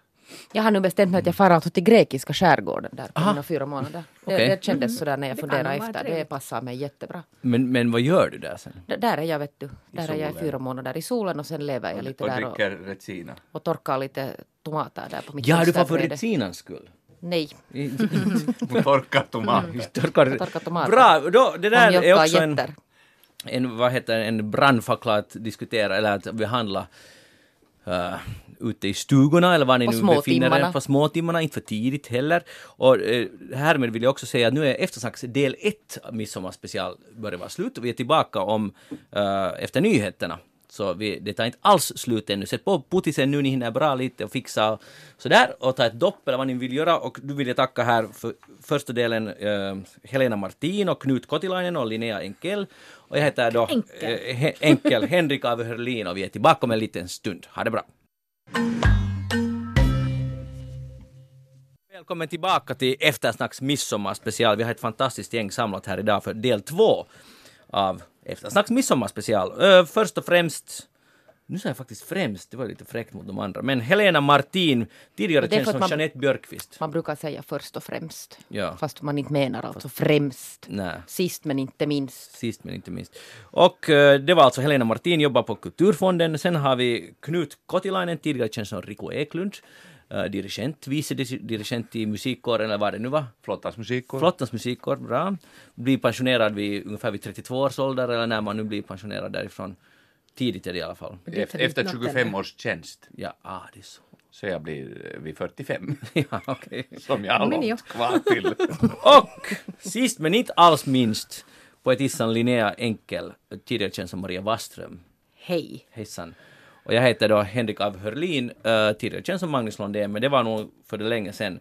Och vi har också en annan gäst med oss, det är Retsina, vår kära vän på midsommar i eftersnack. Skål! Skål! Rätt fina. Ett riktigt ordentligt skål här och det är så mums. Alltså alldeles förskräckligt. Det där, om nu någon tror att vi har flippat så, så det är ju alltså en liten, ett litet rollspel som pågår här. Ja, jo, just det, jag berättade inte varför vi heter så Ja, och det beror inte alltså på den där retsinan. Om någon tänkte det. Vi, ni som har joinat oss nu i andra timmen, det är säkert ytterst få för alla har varit med oss från början, självklart. Så är det för att vi har, jag har bett alla ta fram sina partners Svärmors. svärmor, om man har en svärmor, eller partners mammas flicknamn och kombinera med sitt andra, eget andra namn. Det är också en lite rolig lek ni kan leka ute i stugorna och i socknen som, som ähm, Helena, Helena. påpekar här. Att jag glömmer tiden vad ni heter, det är jättefräckt, arrogant av mig på något sätt. Där, du är ju en sån här så- godsägare. Så skapar vi våra yrken så där utgående från hur det lät. Var det så? Det är ju just så vi det. som måste komma ihåg vad eh, av Hörlin heter, inte av Hörlin vad hans undersåtar nej, heter. det är nu det minsta man kan Där så. säga. Ja, ja, det var det. Hörni, jag läste i, i, eller Hörlin läste i, i Etikettens tidning, ja, alltså Alkos tidning Etiketten, läste jag om matvanor på olika decennier i Finland. Och det, det började vid 1920-talet. Alltså vad åt man på riktigt? Vad käkade man? Ja, har ni några gissningar? På 20-talet. Ja. Bröd och fisk och potatis kanske. Nå, nu var det mycket sån, ja. Mm. Ja, och kött förstås. Nå, här står så här, potatis med sås och en och annan köttbit var en vanlig rätt. Det låter jätte... En och annan. gourmand stuff. Och sen sallad förekom knappast alls. Nej. Men kål, lingonkross, riven kålrot, ättiksgurka och rödbetor var vanliga på matborden. Och nu tänkte jag bara fråga er, av ni som nu sitter här i studion, när har ni, och potis har ni säkert ätit ganska nyligen, men har ni kokt potatis, när har ni senast, nu på midsommar förstås, men utöver det? Inte så ofta kokt potatis, men, men under sommaren faktiskt lite mer, alltså med just nypotatis och, och sill och, och, och, och potatis till olika fiskrätter om, om man får egen fisk så är det ju jättegott med, med nypotatis till under hela sommaren. Så att, jag skulle säga under sommarhalvåret äter, äter jag mera potatis än, än under vinterhalvåret. Absolut. Hur är det med Helena? Hör du, vi äter nog ganska mycket potatis hemma hos oss. Det är ju alltså som, som ni kanske vet så, så är min morbror sån här potatisodlare. Eller nu är han kanske pensionerad men jag kommer ju från alltså en väldigt potatiskär släkt. Och, och det där, jag, Går det i släkten? jag känner att det är någon potatisgen vet du, som har på något sätt flyttats vidare till mig. Alltså jag är ju potatisens stora försvarare och jag får ju alltså fel i huvudet av de här dieterna som, som börjar sen motarbeta potatis. För att precis som du säger, på 1920-talet har potatis redan varit en av basvarorna. Och, det, och så ska det förbli. Och sen börjar man komma till någon sån här alltså tidevarv där, där människor plöt, plötsligt får för sig att det är potatisens fel att man är överviktig. Nå, inte det är ju riktigt så, det är liksom andra problem man har där. Så skyll inte på potatisen. Det var konkvistadorerna som hämtade pot- potatisen från Amerika till Europa. Till Fagervik i Ing. Just det. Wow. Konkvistadorerna var ju där också. Nej, just det. Men dit kom de till Finland. De var på midsommarfest där i Ja, På ja. sju- Men det var på väl på Fagervik gård. Och både 1700-talet, nypotatis och annan potatis. Ja, det var väl det. Ja. Okej, det var en lovsång till potatisen, men om Ja. vi tar det här andra kål, det, det tänker jag själv svara att jag äter jättemycket kål, eh, och vi talar alltså vitkål, sånkål. Så det, det är ju perfekt och otroligt förmånligt. Och hälsosamt. Men check, checkar ni kål alls? Nå, jag måste nog säga att faktiskt häromdagen så gick det ett halvt kålhuvud i roskis för det hade varit så länge i Ja, kylskåpet. det händer ganska ofta. Och sen så såg det inte så fräscht ut längre. Så att nej, men ibland så försöker jag. Jag tänker så här att ah, men nu ska jag köpa kål och nu ska jag laga kållåda eller något sånt här. Då när det mm, färskt, nå kanske annars så också men, men äh, sen är det ju det att det luktar ganska äckligt när man steker upp den där kålen. Det är lite minuspoäng åt kålen. Men att man, Ja. man äter ju något rå- rått ganska, det är ganska Jo, det kan man, men inte om man äter kållåda. Så. Nej, är korrekt, korrekt. Men det är sant att ja, kanske lite mer kål borde man äta. Ja, jag tycker om, om kål. Jag, jag brukar inte tillreda det själv tyvärr, utan jag, jag, lat Du som jag bjuden. så köper jag färdiga kåldolmar. Jag tror jag aldrig har gjort själv, men jag tycker jättemycket om kåldolmar. Också kållåda. Båda två är rätter som jag tycker om. Så att om det råkar finnas någonstans på någon lunchservering och sådär, som ett alternativ så tar jag det gärna. Just med, med mycket lingon till. Kinakål har jag däremot lite förutfattade meningar Jo, den, den kom ju då alltså på, du är så ung så du, Ja. den kom typ i slutet av 70 jag kommer ihåg när det, vi plötsligt då vår familj började äta Kina och den, och den skulle alltid rivas. Började äta Kina, Det ja. smakade, och sen, här- jag minns några första sådana här hemmafester så gjorde man sallad med kinakål. Jo, och var det sen inte var det någon liten, eller något jo, annat så någon liten stackars paprikabit hade irrat sig dit bland den där kålen som fanns i massor. Det kostade ingenting. Men kinakål, fin- finns det någon som checkar det idag? Ja, jag tror det för att det odlas ju åtminstone.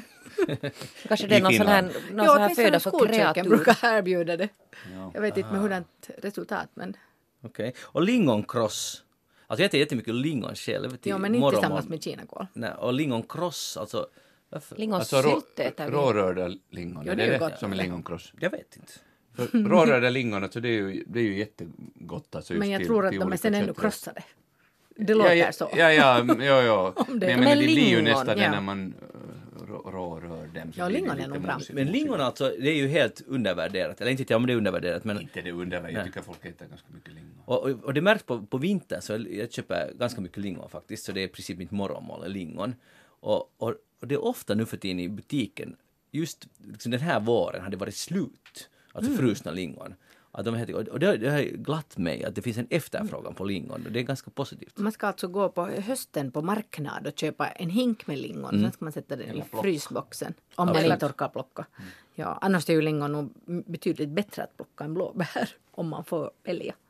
Varför tycker du? Det är enklare. Nej, men de är ju så lätta att plocka. Blåbär är ju besvärliga med, och så blir man så blå om sådär- det är händerna. glest med lingonen är sådär, De bara rinner ner i handen. nästan sådär, så. Och så hålls de hela. Speciellt skärgårdslingon som har ganska korta skaft sådär, eller vad heter det? Den där- Skaft? inte skaft? Ja, den där som de växer på, vad kallas det? Rise? Ja.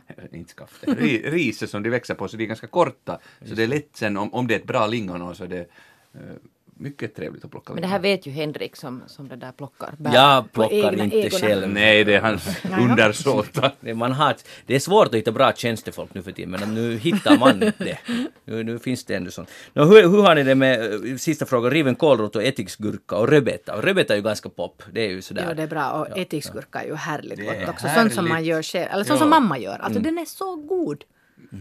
Men jag gör sån Eller det är snabb inte där ättiks, utan det är- ja, inlagd. Så när, Jo, man sätter lite, när man sätter lite, vad heter det.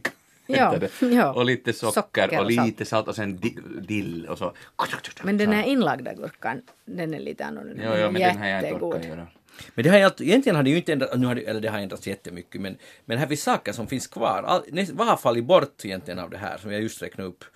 Potatis, Men det är ju just det att vi har, det har inte fallit bort utan Nej. vi äter bara mera och mera. Och Ja, vi äter, alltså det är mycket mer mångsidigt, det är mat. Ja. Men det där är ju, alltså, där finns ju, det där är ju helt bra sån här bas. Ja. Där är ju ganska mycket vitaminer och, och Det hälsosamma. är då nästan hundra år sedan. det. Men om man jämför det där kanske man borde tillsätta lite mer, eller proportionerna kanske borde vara, borde Inte vara det- mera tyngdpunkt på det här Det grönsakerna. Jo, och det är inte problemet utan sen har det ju kommit pasta och allt det här andra som har kommit alltså till utöver Ja. det där. Det är ju det och inte den här alltså själva basen där Nej, som är det. ett problem. Ja, den här basen, är ju- det här är ju själva verket jättehälsosamt och dessutom otroligt förmånligt om man tittar här. Putis, förutom de där några, en och annan köttbit, vi tar bort det. Så Nej, nej. Kål, lingon, kålrot, ättiksgurka och rödbeta, det är idag ungefär de förmånligaste Mm. livsmedel som finns. Men inte tror jag man skulle må så hemskt bra om man bara skulle äta det där. Ja. Ja, Eller det skulle bli jag lite tror långrandigt sådär att äta varje dag. Om du nu tänker sen vad folk lever på, det finns några som bara äter någon hamburgare eller vet ni pasta och säkert Så är det där ju ändå en bättre grund att stå på. Det- Man borde nästan Eller testa det här. franskisar. När det finns så mycket dieter som du var inne på just, uh, Potatis och kåldiet. Helena. Ja, potatiskål, 1920-talsdieten. Ja. Och det här, man skulle kunna sälja Alltså det det är här. alltså, Sen du måste borde alltså dessutom- snabbt nu hör du måste ta, ta, någon kommer att ta den här idén av dig. Det kommer att lanseras sen 1920-tals. Och istället för Ja. att gå på gymmet så håller du istället på att arbeta, alltså som du gjorde på 20-talet med spad i hand och sådär. Spade. Ja, Kivijumpa. Ja, ja just Ja, det. ja. Du, är så, du har så ko- koll på läget Linnea Linnea, för Just. att här står så här. Eftersom arbetet i stor, st, stor utsträckning var fysiskt intog många tre till fyra varma måltider per dag. Mm. Då åt de liksom de här putisen på nytt och på nytt och på nytt och med Ja. lite kol. Och, Men man, man åt ju som alltså till, ofta till frukost liksom också, förutom kanske då gröt, men också, man, man kunde ha fisk också till frukost alltså, Ja. på morgonen. Då hade man kanske lite mer, som sagt då, det var lite andra arbetssituationer. Ja, det är också, ja, och det är ju också ett problem att man fortsätter äta mera utan att alltså ha den här fysiska arbetsansträngningen. Och det är våra ishockeyspelare ett jättegott exempel på. När de äter ju pasta i otroliga mängder medan de är aktiva idrottare. Och många av dem har ju nog problem med vikten sen för sen plötsligt slutar de att konsumera så sådär mycket energi. Och för man har en vana, att man äter sådär mycket. Ja, och jag bara skyll inte på potatisen alltså. Det var min poäng. Det, det är det, viktiga, det, är det viktigaste. Mhm. Eh, men jag har nu en jättebra idé för att uh, eftersom jag, jag är nu på väg till Falklandsöarna och Knut kommer med mig, att vi skulle kunna gå di- fara dit och den här boken vi skriver, eller som jag skriver, du kan läsa korrektur och ge kommentarer. Det kan skulle vara... fotografera. Vad sa du? Fotografera. Ja, lite pingviner. För det skulle vara just 1920-talets diet. Liksom, det skulle vara den här boken som jag- vi skriver på Falklandsöarna. Vad tror ni om det här? Men vad ska du alltså det där, vad, ska du skriva en bok om den? Ja. Nu måste man ju skriva den nya innedieten. Och då ska Ja, du alltså en sån här pröva den sån bok, samtidigt. ja. Just det, lansera din den där. Ja, alltså, och, och, det, och så här når man, liksom, uppnår man lycka och Men du borde ju utsätta dig för det här dieten då samtidigt och skriva om dina upplevelser. Jag vet inte hur mycket Ja. rebetor där växer på. Nej, det Nej. jag vet inte om mina pingvinfotografier passar så bra till den här boken. Det kan vara. Jag vet inte vad, det var en dålig idé. Det var hemskt dålig. Det Inte att åka dit, men, men den här boken kanske. man borde fara någonstans till, var, var ska man fara? Ingå då, helt tydligt. Ingå. Ja. Linnea jublar bra. Linnea, det och blir springer nakna där i hennes åkrar. Oh. trubbel på gång. Hej, hör, hör du uh, Helena Martin? vad har du tänkt göra nu den här sommaren? Alltså, Nå hör du, vet du vad jag har tänkt göra? Jag hade där tänkt, och det här är nu sån här, jag, jag tycker egentligen inte om när man håller på och, och skyller en massa saker på barnen, men, men det där.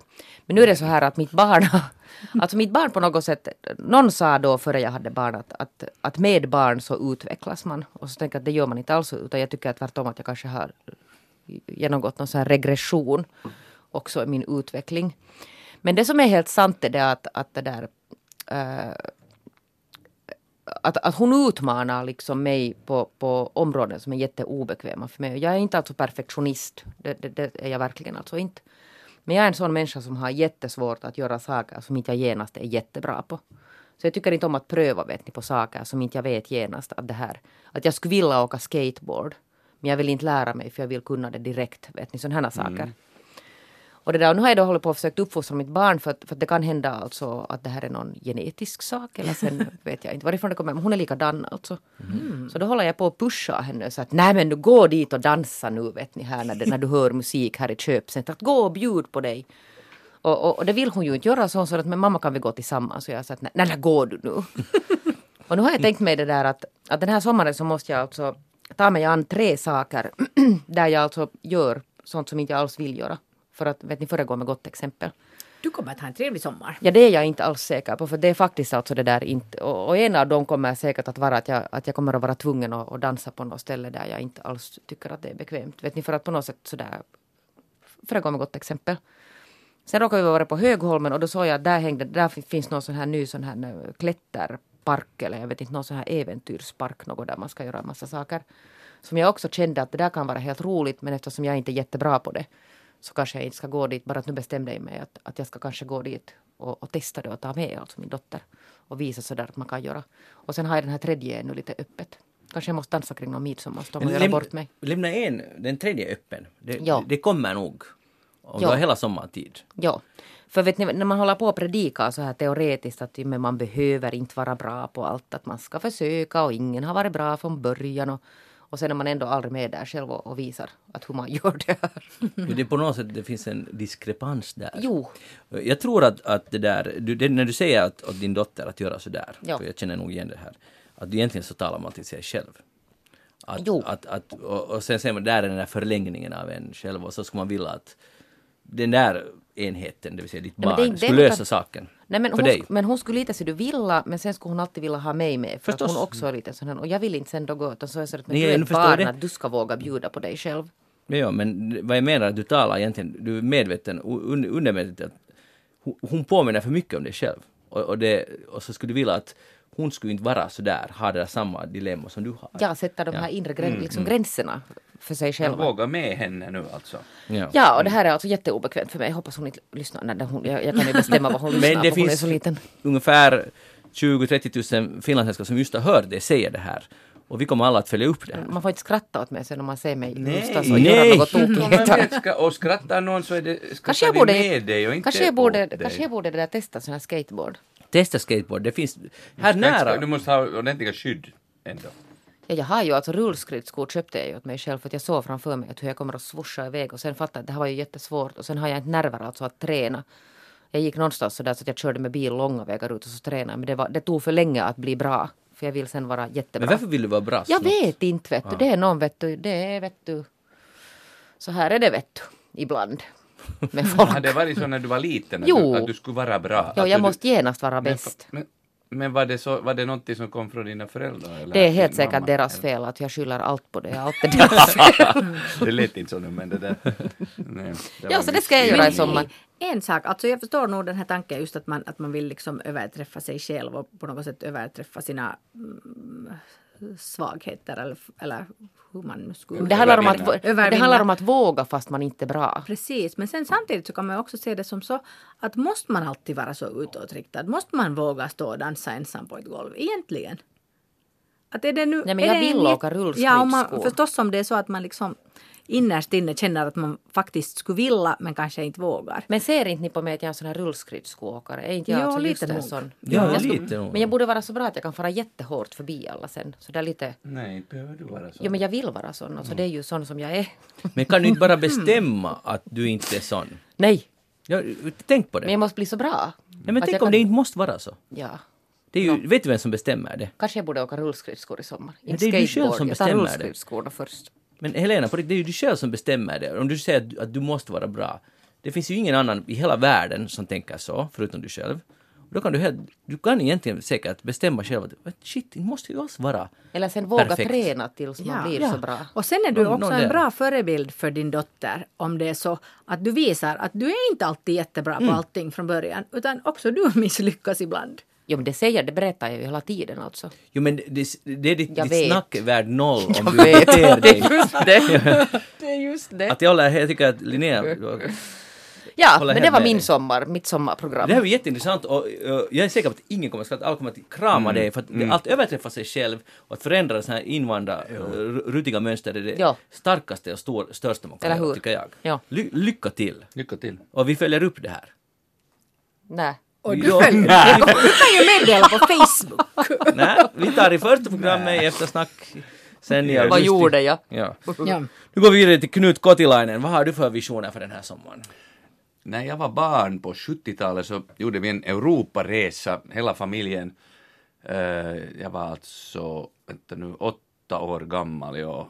Alltså vi var sex personer i en Saab 99. Sex personer med bagage få vara idag och takställning. Och, och jag satt på något sätt inklämd i, jag förstår inte hur vi rymdes där. Men ni fyra Vi var fyra i baksätet. Fyra, ja. Och jag var i mitten och... Men det var en jätte... Alltså, som väl hela vår familj, eh, också mamma i salig åminnelse skulle ännu komma ihåg idag om hon skulle finnas. Eh, och en av de där mm, stora grejerna var ju att åka båt, eller ju, var att åka båt över Östersjön. Och jag har faktiskt aldrig gjort det efter det, det vill säga åkt alltså Helsingfors, Travemünde. Ja, jag blev helt chockad. Ja, ja. alltså till Sverige förstås hur många gånger som helst. Men, men alltså den här så att säga långa biten från norra Östersjön till södra Östersjön. Och, eh, och ha bil med sig. Och, och bila utomlands vilket jag, jag tror jag aldrig kört bil annat än i Sverige eh, med några andra länder. Så det är, är planen att alltså åka med Finnlines, eh, eller vad det heter, de båtar, Finnlines tror det faktiskt fortfarande heter. Jag tror det var Alotar, Alotar eller Ilmatar som vi åkte med till Travemünde. Så åka med bilen med då ner till Travemünde och sen bila upp alltså då den här eh, Baltic route liksom via då, alltså Tyskland, Polen, Litauen, Lettland. Ah, bila tillbaka liksom. Bila tillbaka, Okej. ja. Och också, alltså i Polen har jag varit en gång i mitt liv och, och Litauen eh, aldrig. Så, så det, det, är någonting som jag har tänkt att vi ska göra. Det, någon resa är inte ännu beställd eller någonting, men jag tycker att det här är någonting som skulle vara eh, lite för mig nostalgiskt att åka med, då, för då är man ju liksom över ett dygn, blir det väl, ja, på båten alltså. Och, och, och sen att, att åka med, ja, bara bara på lite längre bilsemester.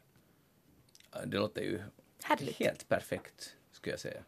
Och där finns så mycket att se på vägen. Och dessutom är, eh, okej, Polen är en, och det är ju ganska kluvet land säkert nu, men, men de har sina problem, men som resemål är det ju helt perfekt. Ja. Och Polen, sen har du Litauen, den där kusten, den där långa remsan, du måste, ni måste åka ut på den. Ja. Vad den nu sen heter. Det var otroligt fint. Och jag, jag tror där är, you, you can't lose. Men vad, vad, vad tror ni, mm, är det så att man skulle behöva en hel vecka till det här? Det är väl så? No, absolut. Jo, jo.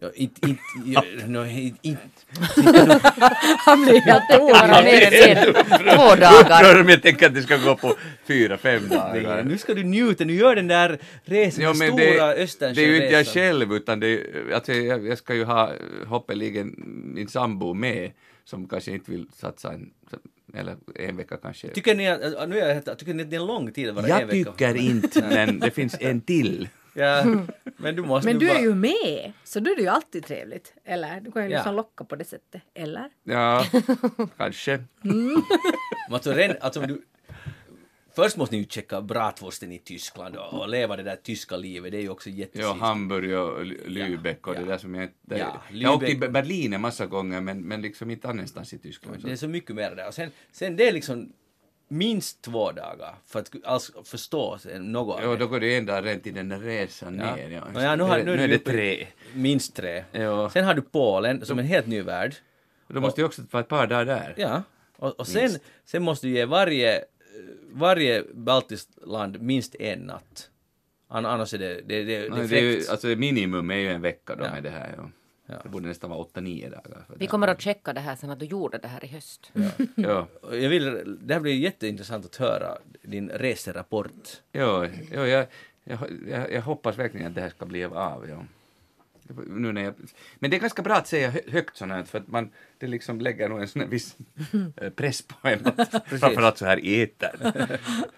Ja. Så följ upp, om ni träffar äh, Knut Kotilainen, det vill säga tidigare känd som Rico Eklund nu i somras, fråga hur det var på resan. Hur gick det? Berätta, visa foton. Du kan ju ha Men foton. fråga med- först i augusti. Ja, fråga Ja. inte ännu. Nej. Bra, lycka till på resan. Tack. Happy journeys. Och så kommer vi fram till poetissan Linnea Enkel. Vad har du tänkt göra den här sommaren? Ja. Vad har du för något som du vill göra?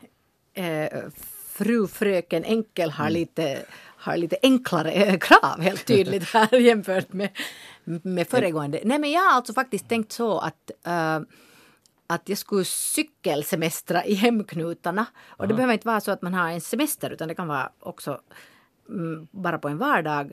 Så att, eh, att eh, man skulle ta familjen och åka iväg eh, på två hjul då till olika ställen där i hemkommunen, till exempel till olika gårdscaféer och, och sådana saker och cykla mycket mer än vad vi någonsin har gjort. Det, det tänkte jag att det ska bli av nu i år.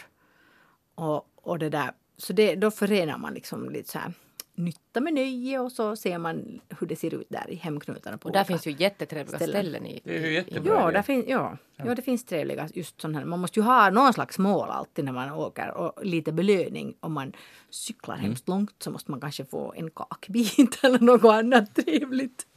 Alltså, ni, har, ni har helt otroligt fina idéer. Uh, det här- det här är ju också helt... För det här är just det man borde göra. Ja. Mera, alltså Ja, ja. närbygden. Det, det är ju egentligen en, hemskt enkelt. Man Det- måste bara lägga den här tiden och, och, och tänka att vart ska vi fara nu? Och, alltså, Jo, det tar ju inte så mycket tid. Det är ju på det sättet alltså. bra att man kan ju faktiskt göra det just på någon timme där på eftermiddagen också. Ja. Och det som är ett ganska bra sätt att bonda med sina, oberoende vem det är, vänner, familj, whatever, så det är Mm. ett jätteroligt sätt att umgås. Ja, jag tror det. Och nu, hur långa turer blir det? Nu talar Nu om jag kollar, ja, na, det är liksom sådär, uh, mm, jag har spanat in några av våra just gårdscaféer till exempel, så det är nu sådär 15 kilometer i en riktning. Okej, det, är li- ja, det är bra sträcka. Ja. Det är nog inte för kort i alla fall. Nej, hur gamla det. är barnen? 12 och 13, de orkar nog med det. Ja. Ja. Perfekt. Där har vi sommaren paketerad. Hur är det med Henrik själv då? Henrik, Henrik, Henrik, Henrik, vad ska Henrik göra? Alltså i, i och med att det har varit helt enkelt också på min skala, jag brukar leva ganska så här relativt intensivt liv, så, så, så också på min skala den här våren var det liksom helt sjukligt mycket att fixa. Alltså, utställning och ja, utställning och bland annat och fester och fester och bröllop och eftersnack. Ja, i alla fall så jag, jag, egentligen har jag bara bestämt att jag ska dra en gräns nu för det där. Eh, det är slut, i alla fall över sommaren och gärna också in på hösten, långt in på hösten. Så jag tänker bara förverkliga det att uh, Slut med vadå? Brådskan. Uh, slut med brådskan förstås. ja. Och att alltid vara eh, ett steg efter. Liksom vad man borde göra. Att jag vill uppleva, upp, jag vill på riktigt eh, vakna många veckor i sträck och inte veta vad jag ska göra. Förstår ni? Att, att det här landelivet som jag ändå tycker jättemycket om, att, att det seriöst är på det sättet, eh, okej, att inga planer, ingen som vill ha något av mig. Ja, det här. Den här. Underligt hur jag inte alls har samma uppfattning av landeliv. Aha, jo. mm, men, men det är så här det är. Och, och ja, det, var, det är nu mina planer. Det Det borde inte låter vara så svårt. bra. Ja. Ja. Det låter borde inte vara så, så svårt Ja. att förverkliga. Fast det kan vara svårare än man tror. Det kan det. Det kan kunde passa kanske med en, en dikt Absolut. det här, om ni, Ja. eh, som lämplig av, avrundning. Både, Är, är det, får jag fråga bara, är det Linnea Enkels eh, andra bok eller är det det, är inte, det är inte nu hennes ännu, utan det här är Elmer Diktonius. Den här är skriven... samma Nå. stora... Vi var inne på den här Samma gäng. Ja. 20-talsmaten och den här är faktiskt skriven på 20-talet, 1924. Den heter Jag vill gå mellan rågen. Jag vill gå mellan rågen som vaggar för vinden med blytunga ax. Jag vill ligga i gräset och stirra mot himlen som djupblå sig välver med svalor som glida. Jag vill luta mitt öra mot solvarma jorden och lyssna till röster som viskar ur mullen. Allt lever. Allt lever. Allt blir och allt blir och du blir vad allt blir när det dör. Ett vaggande rågax, en glidande svala, en bit utav mullen som suckar och viskar. Och jag stirrar mot himlen och svalor som glida och jag känner jag redan är vad jag ska bliva. En del av det hela. Wow! Jättefint. Du läser så bra hur? pauserna där. Det är som att du skulle vara professionell. Ja, jobba Knut i branschen på. Knut Kotilainen sysslar med musik, men där är ju rytmen viktig också. Det där, jag, jag ser det där som en, en hyllning egentligen till vårt uh, nakenspring Jag på- visste på att du skulle säga något sånt. Tänk, jag såg något helt annat. Jag såg, jag såg, Du såg rågen. Ja, verkligen. Jag kände det. Jag visste genast när jag ja, hörde det ordet råg att nu Ja. men du såg inte halva eftersnacksgänget Ligga där i rågen. nakna. i- Några flaskor retin. Ja, an, annars på tal om rutiner, jag måste nog bekräfta det som ehm, Helena sa här, alias Jeanette, att det är någonting med den där kylan, för nu har vi preplat här i snart i två timmar och nu smakar det ganska vidrigt. Ja. För, för att den börjar bli för varm. Ja. Att den, det, det, det måste vi komma ihåg. Kom ihåg! En den- jag vet- isbit kanske? Ja, eller, ja, en isbit i rätt sida. Så det var så det var tänkt att vara. Absolut. Så att kom ihåg det, att hålla den ky- avkylen. Det, det lönar sig. Det där, jag måste tala nu om eh, en favorit, det vill säga Ötzi. Aj, ismannen. Ismannen, det har skett en ny, helt ny förveckling i det här ärendet. Nu, nu är det så att det där, Ötzi är den här killen de hittade i norra Italien, nuvarande norra Italien i Alperna. Uh, han levde för 5300 år. Ismannen är ganska världskänd vid det här laget. De har ju Och han har väl varit i Finland tror jag. Var det inte någon sån här att han var här i? Va? Kommer jag fel ihåg? Va? det har jag aldrig hört. Ah, ja, nåja, fortsätt. Okej, eh, då, då borde jag ha varit där. Ja, Uh, no, I alla fall, men nu har det tagit en helt ny vändning, för man vet ju att man har forskat i eh, att han blev liksom, han avled av ett, någon sköt, sköt på honom med pil, så det finns en skada i honom. Men nu har de, och det här är alltså på riktigt, nu har eh, Eh, de kontaktade Alexander Horn som jobbar vid Münchens polisdepartement och, och, och, och han är expert på mänskligt beteende. Liksom. Han, och de hade kontaktat honom och frågat vill han ta sig an ett, så kallad cold case, det vill säga sånt som har skett för länge sedan. Oftast är det någon 20 år gammalt mord och så tar man ny fart att nu med nya metoder kan vi utreda vad, vad har egentligen hänt och vem, är- vem, hänt och vem är den skyldige. Så han fick det här samtalet, han sa att ja, att han är ganska bra på det, att nu kan han tänka sig. Så han, okej, bra, att kan du komma hit? Så kom, kom, får han dit och sa han, okej, det här är ganska cold case, det här är för 5300 år sedan ett, ett eventuellt ett mord har skett. Att skulle han kunna rekonstruera vem, vad är det som har hänt egentligen med Ötzi? Och nu har han slutfört sin undersökning och han säger att, att det var mord. Ötzi blev mördad och han har dessutom en teori om vad som har hänt för han har en skada på sin arm som har, på sin, eh, som har uppstått några dagar tidigare innan det här bilen har genomborrat hans bröst eller vad det nu genomborrar. Och, och, och då har han, hans teori att, och det har, av någon orsak kom de också fram till att det har skett på lägre altitud, den här handskadan. Att han har varit med i ett slagsmål, sannolikt vunnit det här slagsmålet.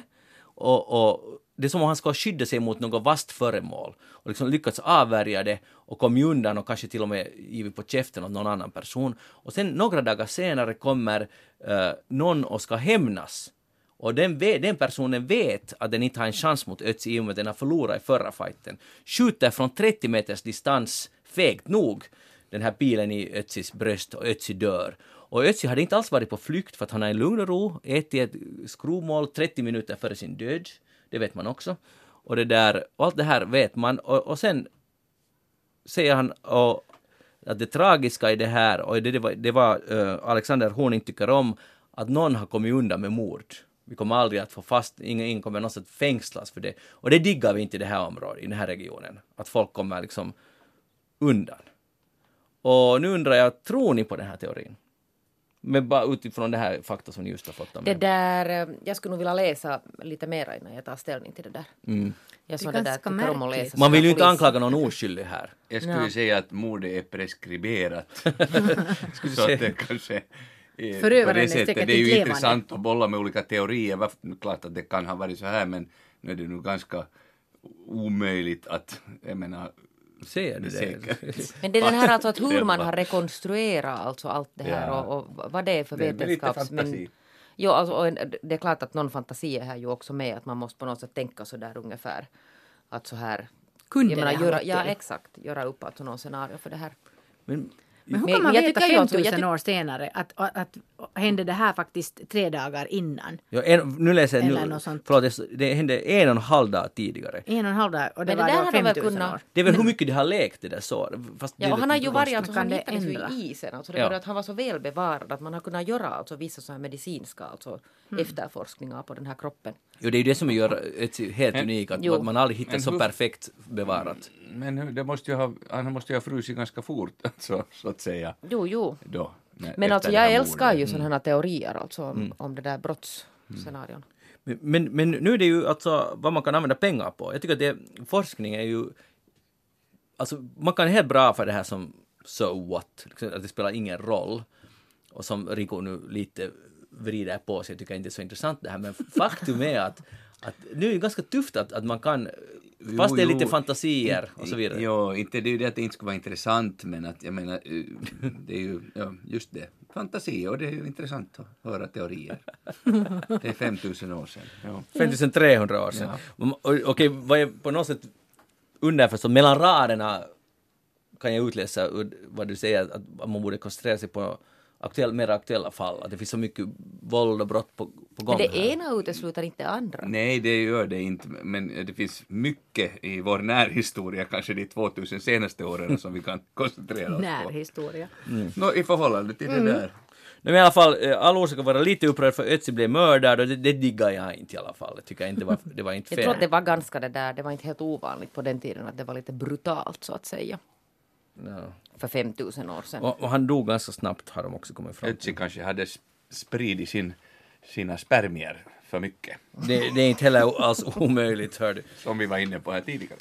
Vi var, inne, vi var ju inne på den saken, alldeles riktigt. Det där, nåja, då är det all orsak att gå vidare. Jag läste i Aftonbladet, liksom, det, det, det kommer alltid det här att hur man ska se ut. Det är liksom, det är så här en årlig cykel. Att, att, och nu var det, det här har jag inte sett för, förut, att man måste vara, eller är det jag som har helt fel, att gå dig i toppform före semestern.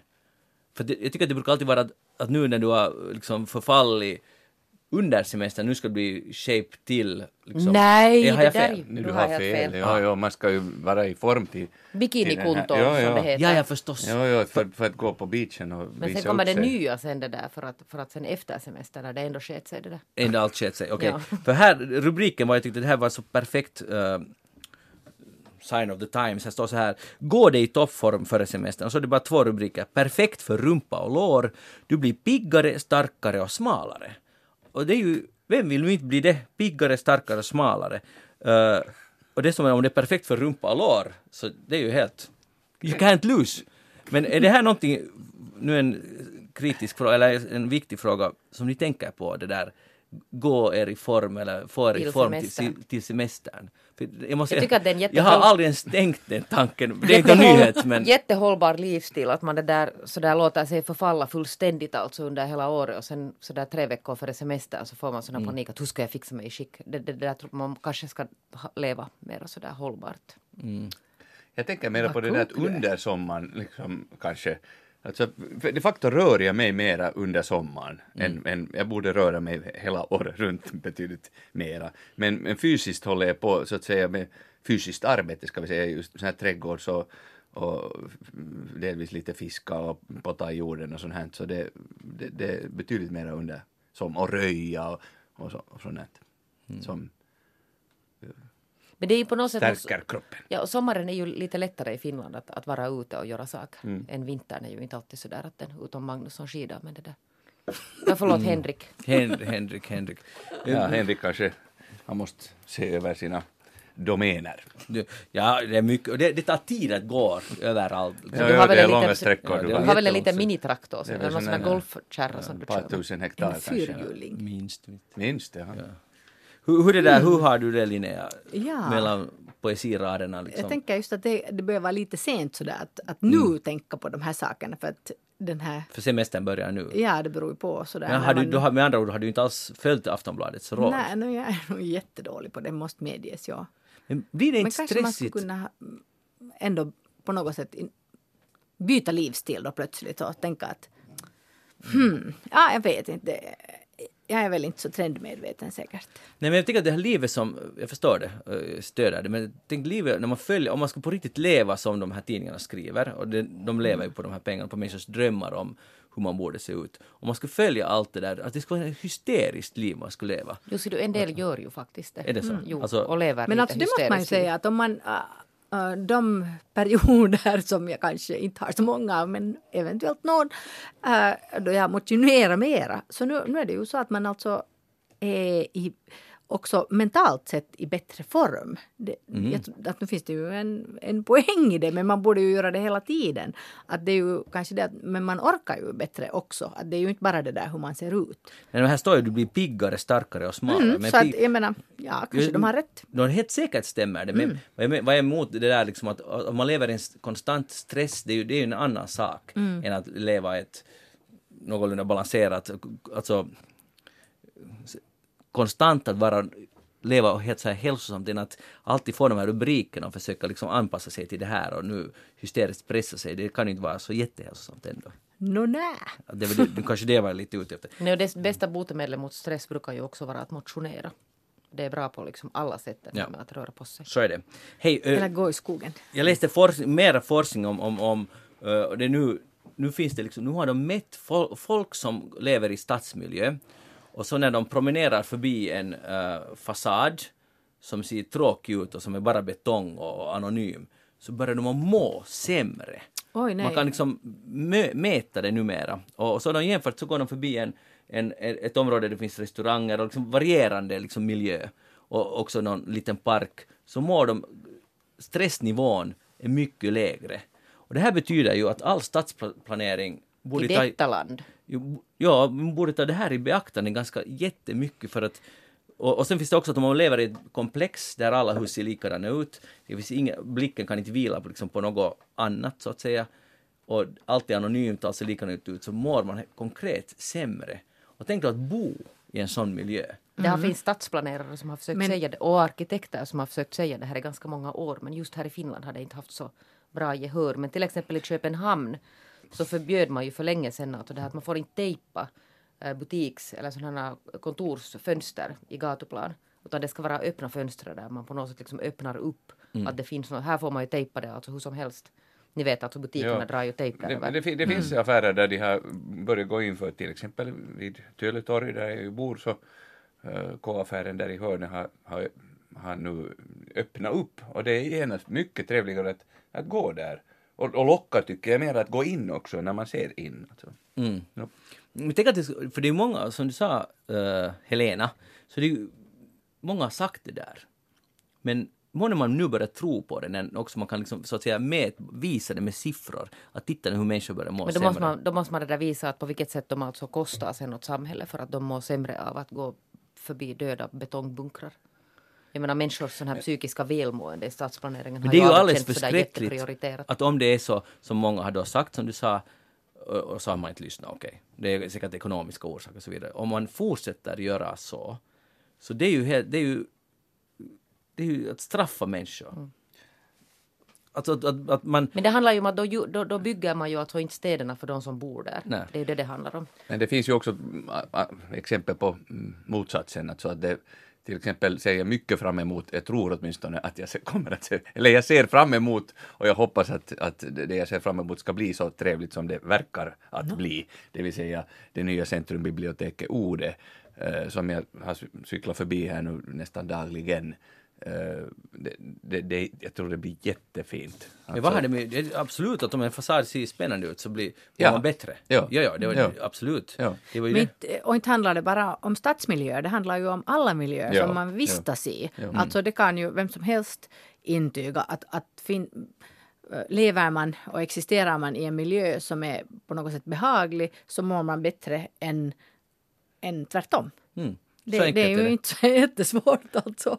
Och all, till allra sist här i eftersnacks sommar, spe, midsommarspecial måste jag bara tala om, när jag nu har läst ännu mer om forskning, ni vet flamingofågeln, Ja. så, så de står ju på ett ben.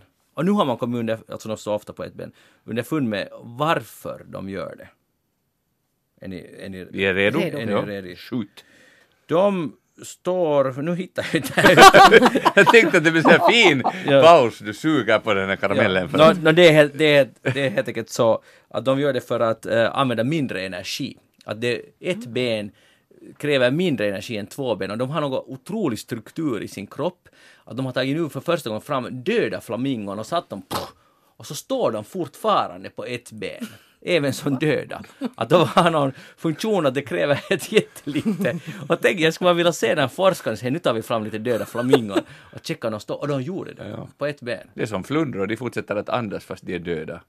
Det är också konstigt. Ja, ganska länge. Till och med de kan, midsommar- de kan sprattla i stekpannan ännu. Så när man, Midsommarmagi hör ni här. det är sant. Döda flamingor står och flundrarna sprattlar. Ja. Bra, det Om man var... får en flundra. Då vet ni det och jag vill nu eh, önska alla en riktigt härlig midsommar. Ja, trevlig midsommar och skål hör ni Skål, nu är det ljuvlig sommar. nu är det julsommar. Nu finns, Stilla helgdagsfrid. och vi hörs igen i Nattsnack som är en fredag mitt i uh, juli. Jag tror det var 14 eller var det 15? Ja, en 15. fredag. Och de dagarna, och då kommer vi att preppla på så det understa ruttnar. Nu vill jag tacka Helena Martin, som Jeanette Björkqvist, Knut Kotilainen, lycka till i musikkåren, känd som Rico Eklund och Linnea Enkel, som Maria Wastström. Väl, lycka till med bokutgivning på egna förlaget. Och jag heter Henrik Ave Hörlin, även känd tidigare som Magnus Londén.